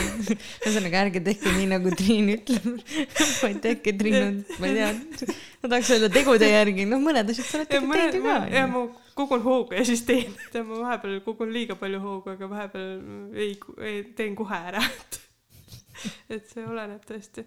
et ega jah, ettevõtlusega pigem ongi see, et no mingisugused Äh, eelteadmised võiks olla, et äh, kuidas, kuidas ettevõtet luua ja et majandusaasta aruannet tuleb ka esitada. Et tuleb nagu neid arve, arvepidamist ka siin peal hoida, et kuidas ja mis ja mida ja no selles mõttes võiks olla mingisugune eelteadmine sellest, et mida sa peaksid nagu tegema, kui sul on see ettevõte, et mis need, mis need nagu lisaülesanded sul on ja mis kohustused sul on, et sa teaksid seda, siis sul on pärast lihtsam, et mitte, et ei tule sulle aa, et aa, et majandusaasta aruannet tuleb ka esitada. Ups see väike asi ka jäi ju tegemata. või siis on, et aa, et nagu palga, palgamakse peab ka maksma, need tööjõumaksud on, et neid tuleks ka maksta. no siis ei pea, kui koolis käid, siis on hea, siis on sotsmaks on enamasti makstud sinu eest. siis on jälle mõni boonus on sellele lisaks onju. jaa, ma tavaliselt ei ole seda boonust kasutanud, et ma olen mm. ikkagi ilusti maksud ära maksnud, et äh, mul lihtsalt, äh, kuna mul aeg-ajalt on olnud äh, haigekassa, kassalt vaja haigusleht, lehte saada, siis, siis on olnud hea, et mul on need kõik maksud ära makstud. sest et äh, üks aasta olin poolteist kuud haiguslehel ja siis äh, see oli hea, kui vähemalt mingisugune abi haigekassalt tuli, et et kui tööd teha ei saa, siis eks, eks see on see, et kuna noh, ongi, et ettevõtjal võiks olla ju mingisugune see puhver olemas, et või no tegelikult igal inimesel võiks olla mingisugune varu, et mingi perioodi hakkama saada. aga too hetk ma, kuna ma olin üsnagi alles siis juhus nagu oma ettevõtte teinud, siis mul ei olnud väga mõelnud selle peale. ja siis ma olin nagu jah, poolteist kuud tööst e eemal, et siis oli, oli hea, kui oli sihuke natuke lisa, et õnneks mul ka vanemad toetasid, ma sain ilusti hakkama selle perioodi, aga tagantjärgi mul on küll jah, et äh, oleks, oleks võinud nagu mõelda sellele, et kui olla ise oma peremees, siis peab nagu mõtlema ka need mingi kolm-neli sammu ette ka, et mis juhtub siis, kui mingit tööd ei ole. Aga nüüd oligi väga pikk periood on ju selles suhtes äh, terve see koroonapandeemia aeg, kus äh, töötamine oligi keeruline väga paljudel elualadel, et kuidas see nagu juuksurite ametit mõjutas et kas sa nägid mingeid suuri muutusi, kuidas sa ise nagu selles kohanesid? no selles mõttes, et äh, no eelmine aasta kevadel olin, oli meil salong kinni äh, ka kuskil poolteist kuud. Ja siis nüüd see aasta, kui need piirangud tulid, siis oli see kahekümne viie protsendi täituvus. Ehk siis ma ei saanud nii palju tööl olla, aga selleks aastaks ma juba olin nii palju ette valmistunud, et, et ma olin, ressursse oli piisavalt, et saada hakkama see periood ja noh, selles mõttes tegelikult oli see, et ma olin küll ühe, alguses märtsist kuni aprillini vist olin ühe päeva nädalas tööl, aga selle sai nii, nii pikad tööpäevad tehtud, et et äh, kuskil kuusteist tundi päevas töö, päevas tööl olla, et siis äh,, siis noh, kuna oligi nii, nii, nagu tegelikult on see, et kõik kliendid ikkagi, püsikliendid tahavad ikka juuksurisse tulla, et et lihtsalt, kui ma varem käisin neli, neli päeva nädalas tööl, siis ma pidin need kõik ühele päevale ära mahutama, et et siis pidigi pikemaid tööpäevi tegema, et mulle ta pigem ongi õpetanud seda, et äh, ma pean puhkama ja ma pean nagu ongi, kas leid-, nagu ma ei pea leidma endale uut kooli, kuhu minna, vaid ma peaks, peaks nagu õppima muud moodi ka oma elus nagu selle vaba aja sisustamist, et äh, nagu nüüd see aasta ma lugesin raamatuid, õppisin igasuguseid uusi teadmisi investeerimise alal, et et kuidas nagu paremini enda tulevikku nagu kindlustada, et äh, see noh, see pandeemia aeg ongi pigem pannudki mõtlema sellele, et mingi hetk äkki ei olegi tööd ja mingi hetk äkki ma ei tahagi tööd teha, siis mul oleks nagu võimalus lihtsalt olla, et ma ei peaks nagu äh, sõltuma nii palju.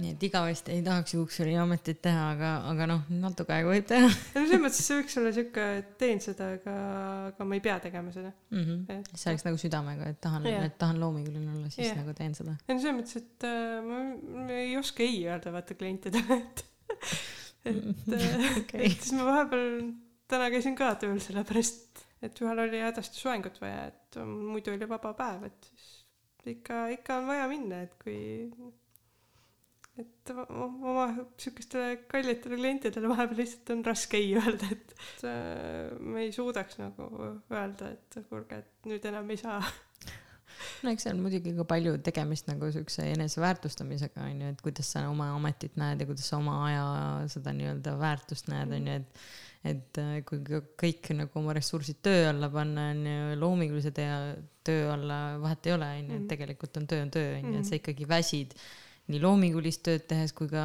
füüsilist tööd tehes, lihtsalt need väsimused on erinevad, et näiteks noh, ehe näide, et kunagi mul oli kallim, kes oli, tegi väga füüsilist tööd ja mina tegin väga vaimset või siukest loomingulist tööd ja me ei saanudki tegelikult kunagi teineteise sellest väsimusastmest mm. aru, sellepärast et meie tööd olid niivõrd erinevad. üks oli füüsiliselt kogu aeg nagu laip ja mina olin nagu siis nii-öelda oma peas kogu aeg nagu kuidas ma ütlen, lihtsalt väsinud mm., vaimselt väsinud nagu mm. sellest, et kui sa vahetad nagu seda konteksti päeva jooksul mitmeid kordi on ju noh, graafilise disainina, ma ei tea, kord teed plakatit ja siis teed logo ja siis teed hoopis mingit kolmandat asja on ju, et siis see nagu võtab väga palju energiat ära, et äh, kas sa sellist sarnast asja nagu märkad ka juuksuritöös, et kuna sul kliendid vahetuvad ja tööd vahetuvad, siis ühest küljest on jah tore on ju, et ta on nagu varieeruv mm, -hmm. aga teisest küljest, kas see ei väsita sind?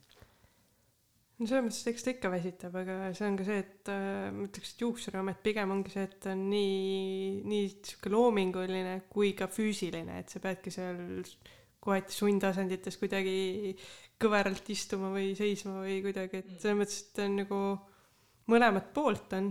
üldiselt äh, no selles mõttes, et vahepeal, kui ma jah väga palju tööl olen olnud, siis on küll lõpuks see, et nagu ma ootan, millal see vaba päev tuleb. aga, aga üldjoontes, kui ma nüüd, nüüd hetke, hetkegraafiku juures on küll see, et tegelikult ma olen nii vähe tööl, et äh, ma ei ole nagu nii väsinud sellest. et aga noh, ongi see, et vaheldust on vaja, vaja, et et kas noh mulle, mulle nagu pigem sobibki see, et nagu ta on nii vaheldusrikas, aga, aga selles mõttes mind pigem äh, on see, et kui ma ühe asjaga pikalt tegelen, siis ma väsin ära rohkem.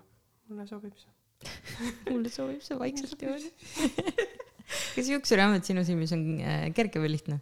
Ker-, kerge, lihtne või keeruline seda? ma ütleks, et eks see nagu on üsna, üsna keeruline. peab arvestama nii paljude niisuguste negatiivsete külgedega, mille peale ma isegi enne, enne juuksurina tööle hakkamist ei osanud isegi mõelda. nagu näiteks? nagu näiteks see, et äh, kui on palju meestelõikusi, siis on niisugused paari millimeetriseid juuksekarvu terve keha täis ja, ja kõik käed-jalad ja siis need nagu nõelakesed sul naha sees, et nagu ma tõesti ei tulnud selle peale, et niisuguse asjaga ma peaksin kokku puutuma. see ole väga selline asi, mille peale mõtlema. et, et see on niisugune negatiivne külg, et äh, selles mõttes, et iga kord, kui ma kind-, kindlasti nagu mees, meestööd hakkan tegema, siis ma panen kinnised jalad nüüd jalga, et mul varba vahel, vahel ka neid juuksekarvu ei oleks, et muidu vahepeal olen nagu tööl ka lahtisemate jalanõudega, aga siis mm -hmm. ma tean, kui meeste lõikused tulevad, siis nagu, et jah, ühe korra ma tegin vennal, tegin niimoodi juukselõikust, mul oli natuke avaram pluus seljas, et noh,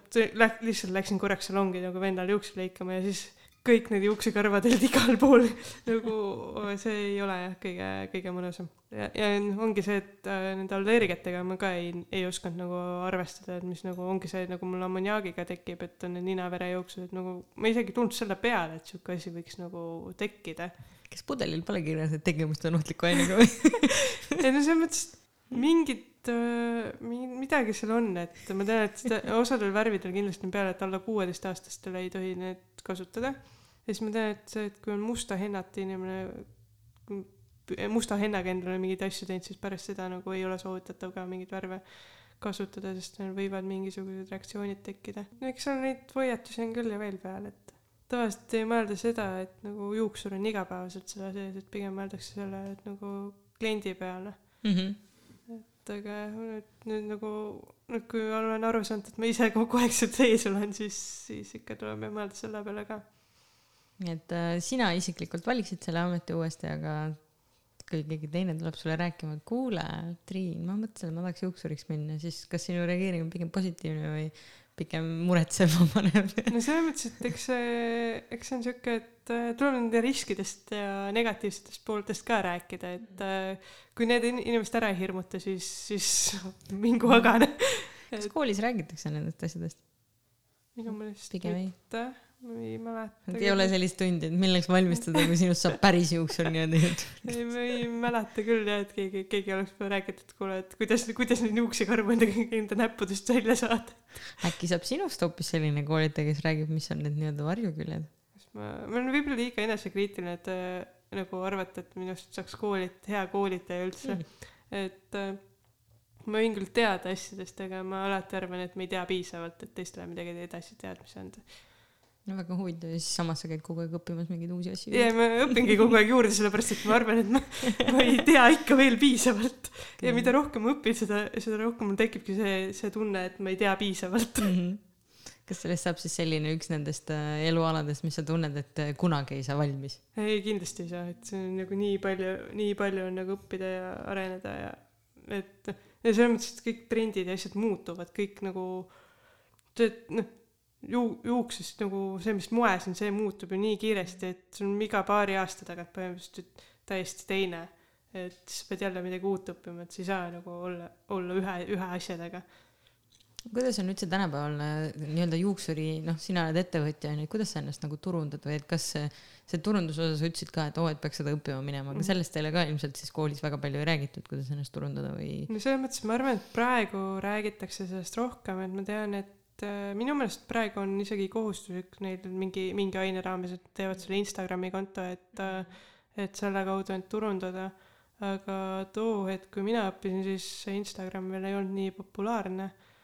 et nagu ma oleksin üliammu õppinud, aga Instagram lihtsalt on nagu viimaste aastatega lihtsalt nii palju populaarsemaks muutunud, et äh, ja see on nagu nii, nii suur see turunduskanal praegusel hetkel, et. kas sinu kliendid tulevad ka läbi Instagrami siis? no on ka see, neid, aga enamalt on ikkagi see tuttavate soovitused ja siuksed, et. või siis minusugused, kes tulevad lihtsalt salongi, et palun mulle üks juuksur, kes on nõus värvima mu pead siniseks jah, jah. põhimõtteliselt. et ka, ka niimoodi tulevad, et mm., et no selles mõttes, et on erinevaid viise, aga ma ütleks pigem minu puhul Instagram mingil määral mängib rolli, aga ma ei ütleks, et see väga suur on, aga mm -hmm. põhimõtteliselt minu jaoks see Instagram on selle jaoks, et see on minu jaoks enda portfoolio, mida ma saan näidata klientidele, et aa, et ma olen siukseid asju teinud. et siis, kui nad juba toolis istuvad, siis mul nagu, et aa, et kuule, kas sulle meeldib midagi sellist, et siis ma tean nagu seda, mis tehnikaga ma selle tegin, et kuidas ma saaks mingit sarnast tulemust, et kui talle meeldib selline asi. või siis ongi värvitooni puhul, et aa, et kui talle midagi sellist meeldib, et siis nagu rohkem nagu sinu tehtud tööde kataloog siis. jah, põhimõtteliselt, et ongi portfoolio yeah,, et yeah. nagu, et, äh, et siis mul on endal nagu lihtsa, lihtsam sealt nagu näidata mingeid mõtteid nagu klientidele edasi anda, et siis nad teavadki ise ka, et mida, milleks ma nagu olen võimeline ja, ja mida ma teen aga kas pole ka niimoodi, et see, milleks sa võimeline oled ja see, mida sa nagu igapäevaselt teed, need võivad ka olla väga erinevad, sellepärast et kui palju on neid julgeid kliente, kes on nõus kõiki neid ägedaid uusi asju proovima, mida sa õppinud oled? no seda, seda küll jaa, et pigem äh, ongi see, et ma panen nagu Instagrami üles neid töid, mida ma tahan nagu, et inimesed näeksid, et mida ma tahaksin ka rohkem teha mm, -hmm. et vahepeal on ka see, et kui ma tahangi midagi teha, siis äh, mul on mõned sõbrannad, kellel ma nagu, et kuule, et äh, mul on sihuke idee nüüd hiljaaegu me tegime ka töökaaslastega tegime ühe fotosessiooni, et siis ma küll tegin siukseid natukene nagu mitte nii värvilisi ja huvitavaid töid, et ma tegin, aga samas ma tegin ikkagi siukseid, mis mul nüüd ennast kõnetaks, selliseid töid.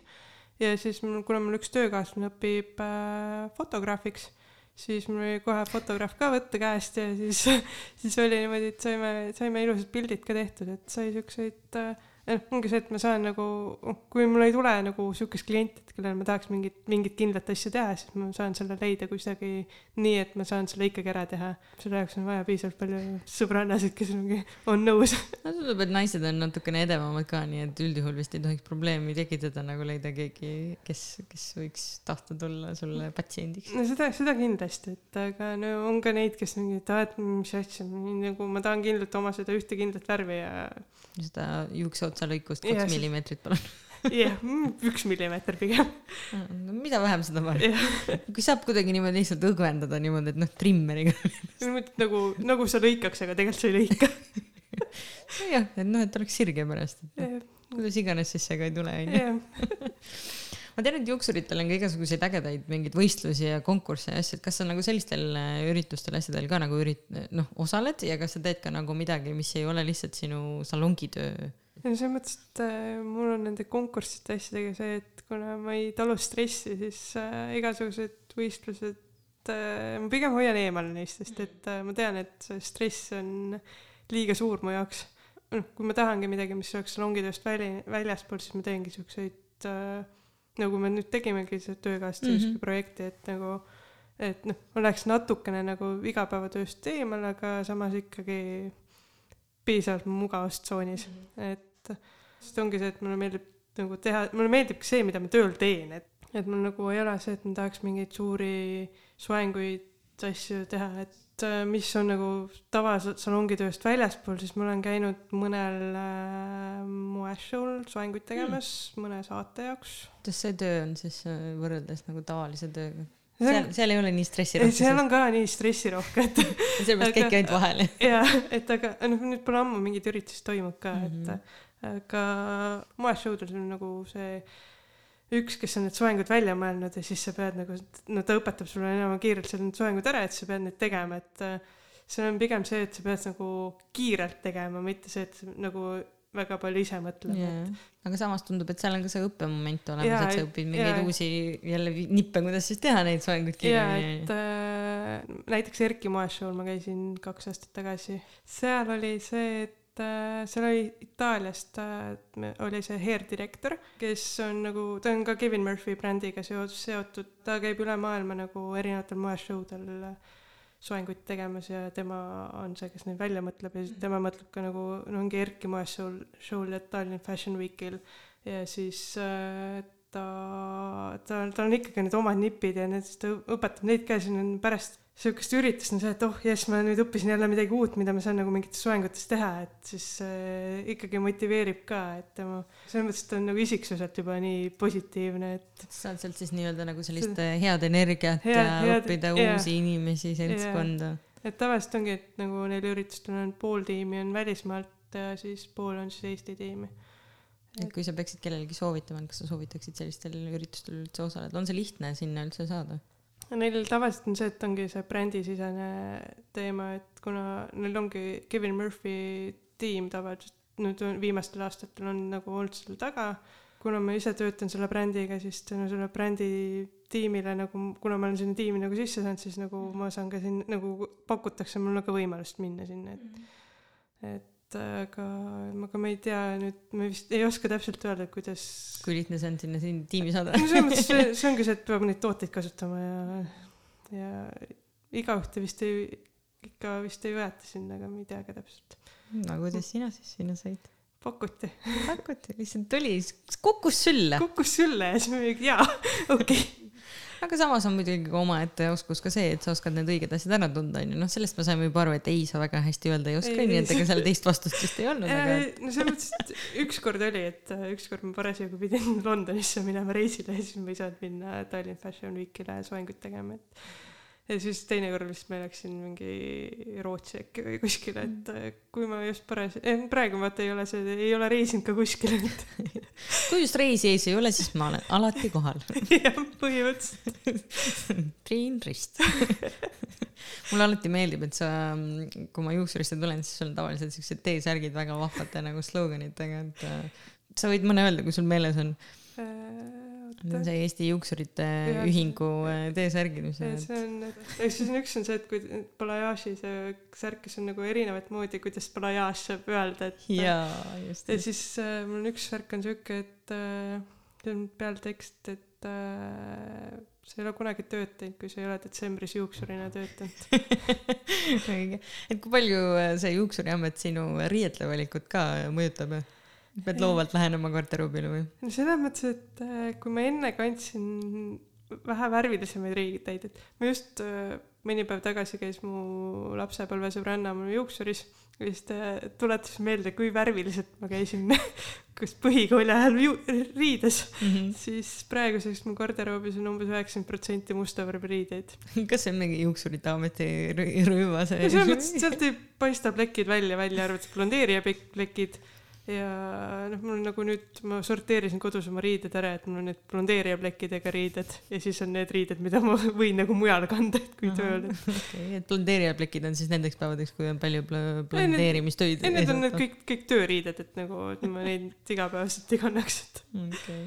et aga jah, selles mõttes, et hea lihtne on praegu elu, et äh, mul on enamus riideid siis on musta värvi ja siis ma lihtsalt äh, võtan hommikul mustad musta seeliku või musta kleidi või siis musta T-särgi ja lähen tööle ja ma ei pea mõtlema väga riiete peale. saab vähemalt minimalistlikku elustiili viljeleda väga hästi. no saab, aga mul on mingi nelikümmend musta värvi T-särki, et äh, võib-olla võiks vähem olla. võiks vähem olla, aga neist pooled on mingid bändisärgid, et siis ah,. Okay. Äh... ja sulle ikkagi meeldib nagu ennast kuidagi väljendada ka, sest mingi sõnum peab olema. ja mingi, mingi, mingisugune sõnum, sõnum peab olema, et nagu lihtsalt äh,, lihtsalt üleni mustas ei saa olla, et või et peab midagi nagu, midagi, mis nagu kõnetab olema okay. ka. aga kui on inimesi, kes tahaksid sinu tegemistega kursis olla, kuidas nad sind üles leiaksid? Äh, Instagramist leiavad ilmselt. mis on Instagrami see nimi on? juuksurtriin. juuksurtriin, vaata kui lihtne yeah. ette, ühtegi punkti, tärni, midagi ei ole seal. see on see allkriips on, aga kui. kus kohas see allkriips on? juuksur, allkriips, triin. väga hea. okay,, okay. aga jah, see leiab ka lihtsalt, kui juuksurtriin sinna kirjutada ja leiab küll. ja kui keegi tahaks sinu juurde juuksurisse tulla, hakkasid väga meeldima sind saates, siis eh, kas sa ootad neid ka enda juurde no ikka, ikka võib tulla, et, et kedagi, kellelegi ei ütle, vaata et kas siis peaks võtma sinuga Instagramis ühendust või kirjutama ja joonistama? võib Instagramist, Instagramist saab ka selle salongi kodulehekülge kätte ja siis sealt saab mulle meili saata ka, kui. meili, sest tegemist on ikkagi introverdiga onju. Äh, ärge helistage peaasi, et ei helista ma kellelegi andsin oma telefoninumbri ja siis ma olin, et okei okay,, see on mu telefoninumber, aga peaasi, et sa ei helista, sõnumi võid saata ja õige, just, just. palun valige võimalikult äh, mittesegavaid äh, neid suhtlusviise kasutage neid, need on välja mõeldud selle jaoks no ma hakkan nüüd enam-vähem juba lõpu, lõpu poole minema, aga mul on siin siuksed paar väga kiiret küsimust ka, lihtsalt sellised natukene naljaga võib-olla pooleks, võib-olla mitte, oleneb. testime siin loovinimeste tegemisi, onju. et äh, esimene skaalal ühest kümneni, kui tundlik või tundeline inimene sa oled? Mingi seitse seitse, okei okay.. millal sa viimati pisaraid valasid? ma arvan, et see oli mingi paar päeva tagasi. okei okay., kas sa oled tavaliselt selline, kes väga eh, kergesti eh, on mõjutatav või, või muutub härdaks või pigem mitte? kui sa seitse oled, siis peaks juba. no ikka suhteliselt kergesti. no selles mõttes nagu ma suudan enamalt olla sihuke tuim, aga siis kui ma, kui ma enam tuim olla ei suuda, siis mul tulevad kõik, kõik pisarad korraga välja mm kui sa oleksid mõni loom, siis mis loom sa oleksid? ma arvan, et ma oleks koer miks koer? ma tahaks korgi olla, need näevad nii nunnud välja lihtsalt aga sul on pisikesed käpad, kas pisikesed juukseringid kui keegi peaks tahtma sind rahvarohkes kohas üles leidma, siis äh, mille järgi nad sind kõige tõenäolisemalt leiaksid? no tavaliselt on rahvarohkes kohas on mingis kuskil nurgas, kus ei ole enam rahvast et nagu näiteks kontsertidel ma käin ka niimoodi, et ma nagu olen seal taga et, et ma ei taha seal nagu mingi rahvamassis olla, et ma lihtsalt olen seal nagu ääres kuskil. okei, peidad ennast ära. pigem siis saab distantsi hoida inimestega ma. saan aru, et kollaste juuste järgi enam ei saa, onju lihtsalt, et kui Jah. juuksed on soengus, siis on ilmselt okei okay. suure tõenäosusega. see, vaadake T-särgi sloganit ka, et kui seal on midagi toredat kirjas, siis see ilmselt on Triin. ja kui sa peaksid ennast ühe sõnaga kirjeldama, siis mis sõna see oleks? Vaikus. oota, oota, ma mõtlen kohe. mõtle, mõtle. mõtlen. Aga see ei ole lihtne tunni aja küsimus. pärast. ei, see pole lihtne küsimus ka, ainult üks sõna võid valida, issand, teaks siis. mitmekesine. mitmekesine, oh, mulle meeldib see. miks mitmekesine, miks see, mis sellega, millega see sind seostab? sest et äh, me ei tegele ka alati ainult ühe asjaga, vaid ikkagi on nagu mitu suunda, kuhu tahaks liikuda. mitu palli õhus korraga. jah, väga lahe, igapäevase elustiili juurde ka kuulub see mitmekülgsus siis või? et ära siis unusta töö kõrvalt puhata ka. ja ikka, ikka õpin seda. kas on midagi sellist ka, millest me ei jõudnud täna rääkida, mida sa ise tunned, et sa tahaksid jagada, kas juuksuri ametikohta või oma teekonnani juuksuriks või, või ükskõik mis, enda kohta? Ma ei tea isegi, sest ma tavaliselt ei räägi nii palju, välja arvatud siis, kui sa juuksuris oled. aa, okei okay., ma ei tunne ennast üldse halvasti. ei, see on okei see on okei okay,, et ma korra üks, üks klient kuus, kes tuleb ja räägib su tühjaks. jah, põhimõtteliselt, eks ma teistega räägin ka, aga, aga sinuga saab ikka päris, päris palju räägitud alati. no meil on ka väga siuksed psühholoogilised teemad et see on ka siuke huvitav, et äh, mulle lihtsalt tundub, et sul on siukene omamoodi nagu vaatenurk asjadele ja palju on ka meil ühist, onju, et Jah. seesama kasvõi investeerimise kohta oleme rääkinud, see on päris huvitav teema tegelikult, mida rääkida niimoodi juuksuritoolis, et see ei ole tavapärane. mul tavaliselt, ma ei, ei oska rääkida inimestega teemadel, mis on mingi kollases meedias, sest ma ei tea sellest mitte midagi. et ma pigem ongi see, et mis mulle endale huvi pakub, et ongi Mm. mingid investeerimine, keskkond, matkamine, matkamine, suusatamine. suusatamine, jalgrattasõit, mida iganes. et äh, mi- mi- mis ma, mille ma parasjagu olen liiga entusiastlikult enda jaoks parasjagu av- avastanud, et siis Mm. sellest ma tavaliselt räägin ka päris palju. Mm. no mis sa ise arvad, kus sa kümne-viieteist aasta pärast oled, oled sa jätkuvalt juuksur? ma arvan, et mingil määral ma ikka teen juuksuritööd, aga kümne aasta pärast ma tahaks vaikselt äh, vähem tööd teha ja rohkem puhata ja võib-olla natuke rohkem reisida jälle äkki saab siis. tahaks natukene, natuke veel reisida. Kus sa reisiksid, kus võimalus oleks esimese kohana praegu? praegu mu kõige, kõige järgmine plaan on rei- reisida Lätti, jaa, okei. et äh, praegu ma ootangi, kunis mu, kunas mu see teine, teisest vaktsiinist piisavalt kaua aega mööda saab, et ma saaks äh, rahulikult Lätti minna. ja ka kui nüüd rääkida kaugematest reisidest, siis mm, Aasiasse kuskile või Lõuna-Ameerikasse. Mis sind sinna tõmbab, ma eeldan, et see ei ole juuksuriametiga seotud, see on pigem Mm. nagu sinu mingi oma isiklik huvi. no selles mõttes, et minu reisi sihtkohad nagu kohati on siuksed, mis äh, on natuke teistsugused kui teistel. näiteks mu üks, üks kõige rohkem kõnetavamaid kohti, kus ma käinud olen, on Albaania. selles mõttes, et ma tahaksin midagi nagu, mit-, midagi sellist, mis ei ole nii tavapärane, et Aasias ma ka ei taha tegelikult minna kuskile mingit Taisse või ma ei tea, pigem Bali näiteks mm. -hmm. või kuskile või kuskile sinna Kõrgõzstan, Kasahstan, kõik need on ka siuksed huvitavad, aga need vist ei ole päris Aasias. no kuskil sealkandis, sa küsid kellegi käest, kes geograafiast midagi ei tea. muidugi sinul võib-olla ema praegu noogutaks niimoodi no okay. põhimõtteliselt on Eur-, Euraasia, Aasia, see kant. no see kaardi peal vaata on seal need kohad on ju, nimed on Kõrgõzstan ja kõik muu. ja siis ja Okei. siis äh, jah, Lõuna-Ameerika tundub ka selline, et kuhu võiks minna, seal tundub siuke huvitav loodus olevat, mida võiks vaadata. nojah, ma saan aru jah, et see keskkonnateema ikkagi tõmbab sind ka, et teise, teistsugust nagu maailma näha, teistsugust loodust, teistsugust vaatenurka. Et no näiteks ma ei ole käinud Hispaanias, kus sa ilmselt oled mitu korda käinud, et nüüdseks ma olen juba kaks korda käinud ja et, et seal ma ei ole kordagi käinud ja ega see ei kõneta ka mind niimoodi, et kuigi tegelikult ma arvan, et see võib olla väga huvitav koht, aga millegipärast ma pigem olen sattunud kuskile igale poole mujale. nagu samamoodi ka Prantsusmaa siiani ei ole, ei ole suutnud mind nii palju kõnetada, et ma oleks sinna läinud.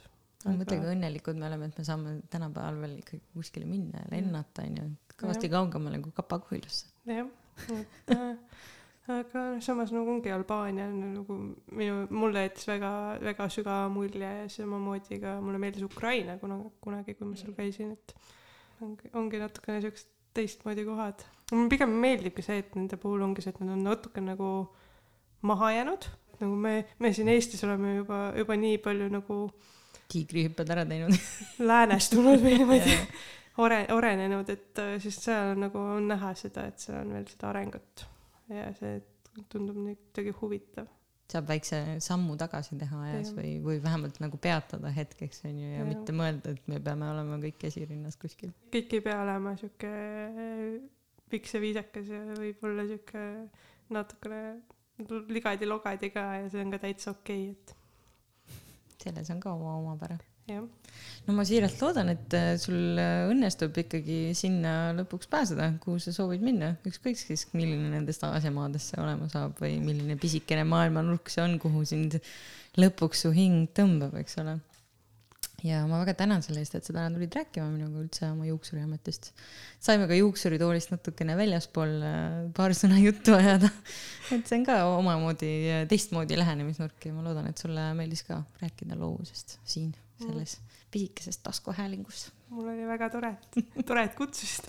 noh, nüüd sul on siis ilmselt, ma saan aru, jälle järjekordne see sõnade rääkimise vajadus on mõneks ajaks täidetud. ja nüüd senikauaks, kui sa juuksurisse tuled. aga et selles suhtes ma olen väga tänulik, et sa tulid ja selle mulle pühendasid, selle oma posusõnu, mida sa tavaliselt igapäevaselt hoiad siis selle ühe korra jaoks kuus ja kõikidele kuulajatele ütlen siis seda, et ma loodan, et teile ka meeldis see tänane jutuajamine kui teil tekkis mõni idee mõnest ägedast loov, loovast või loovalt elule lähenevast inimesest, keda ma võiksin ka siin äh, saates äh, kohata, kellega võiks rääkida juttu, kellel oleks midagi põnevat äh, ülejäänud inimestega jagada, siis andke mulle teada, võite mulle meilile kirjutada loovusvool.gmail.com ja võite vabalt ka sedasama teha Instagramis või Facebookis mulle kirjutades, et olen igalt kanalilt kättesaadav.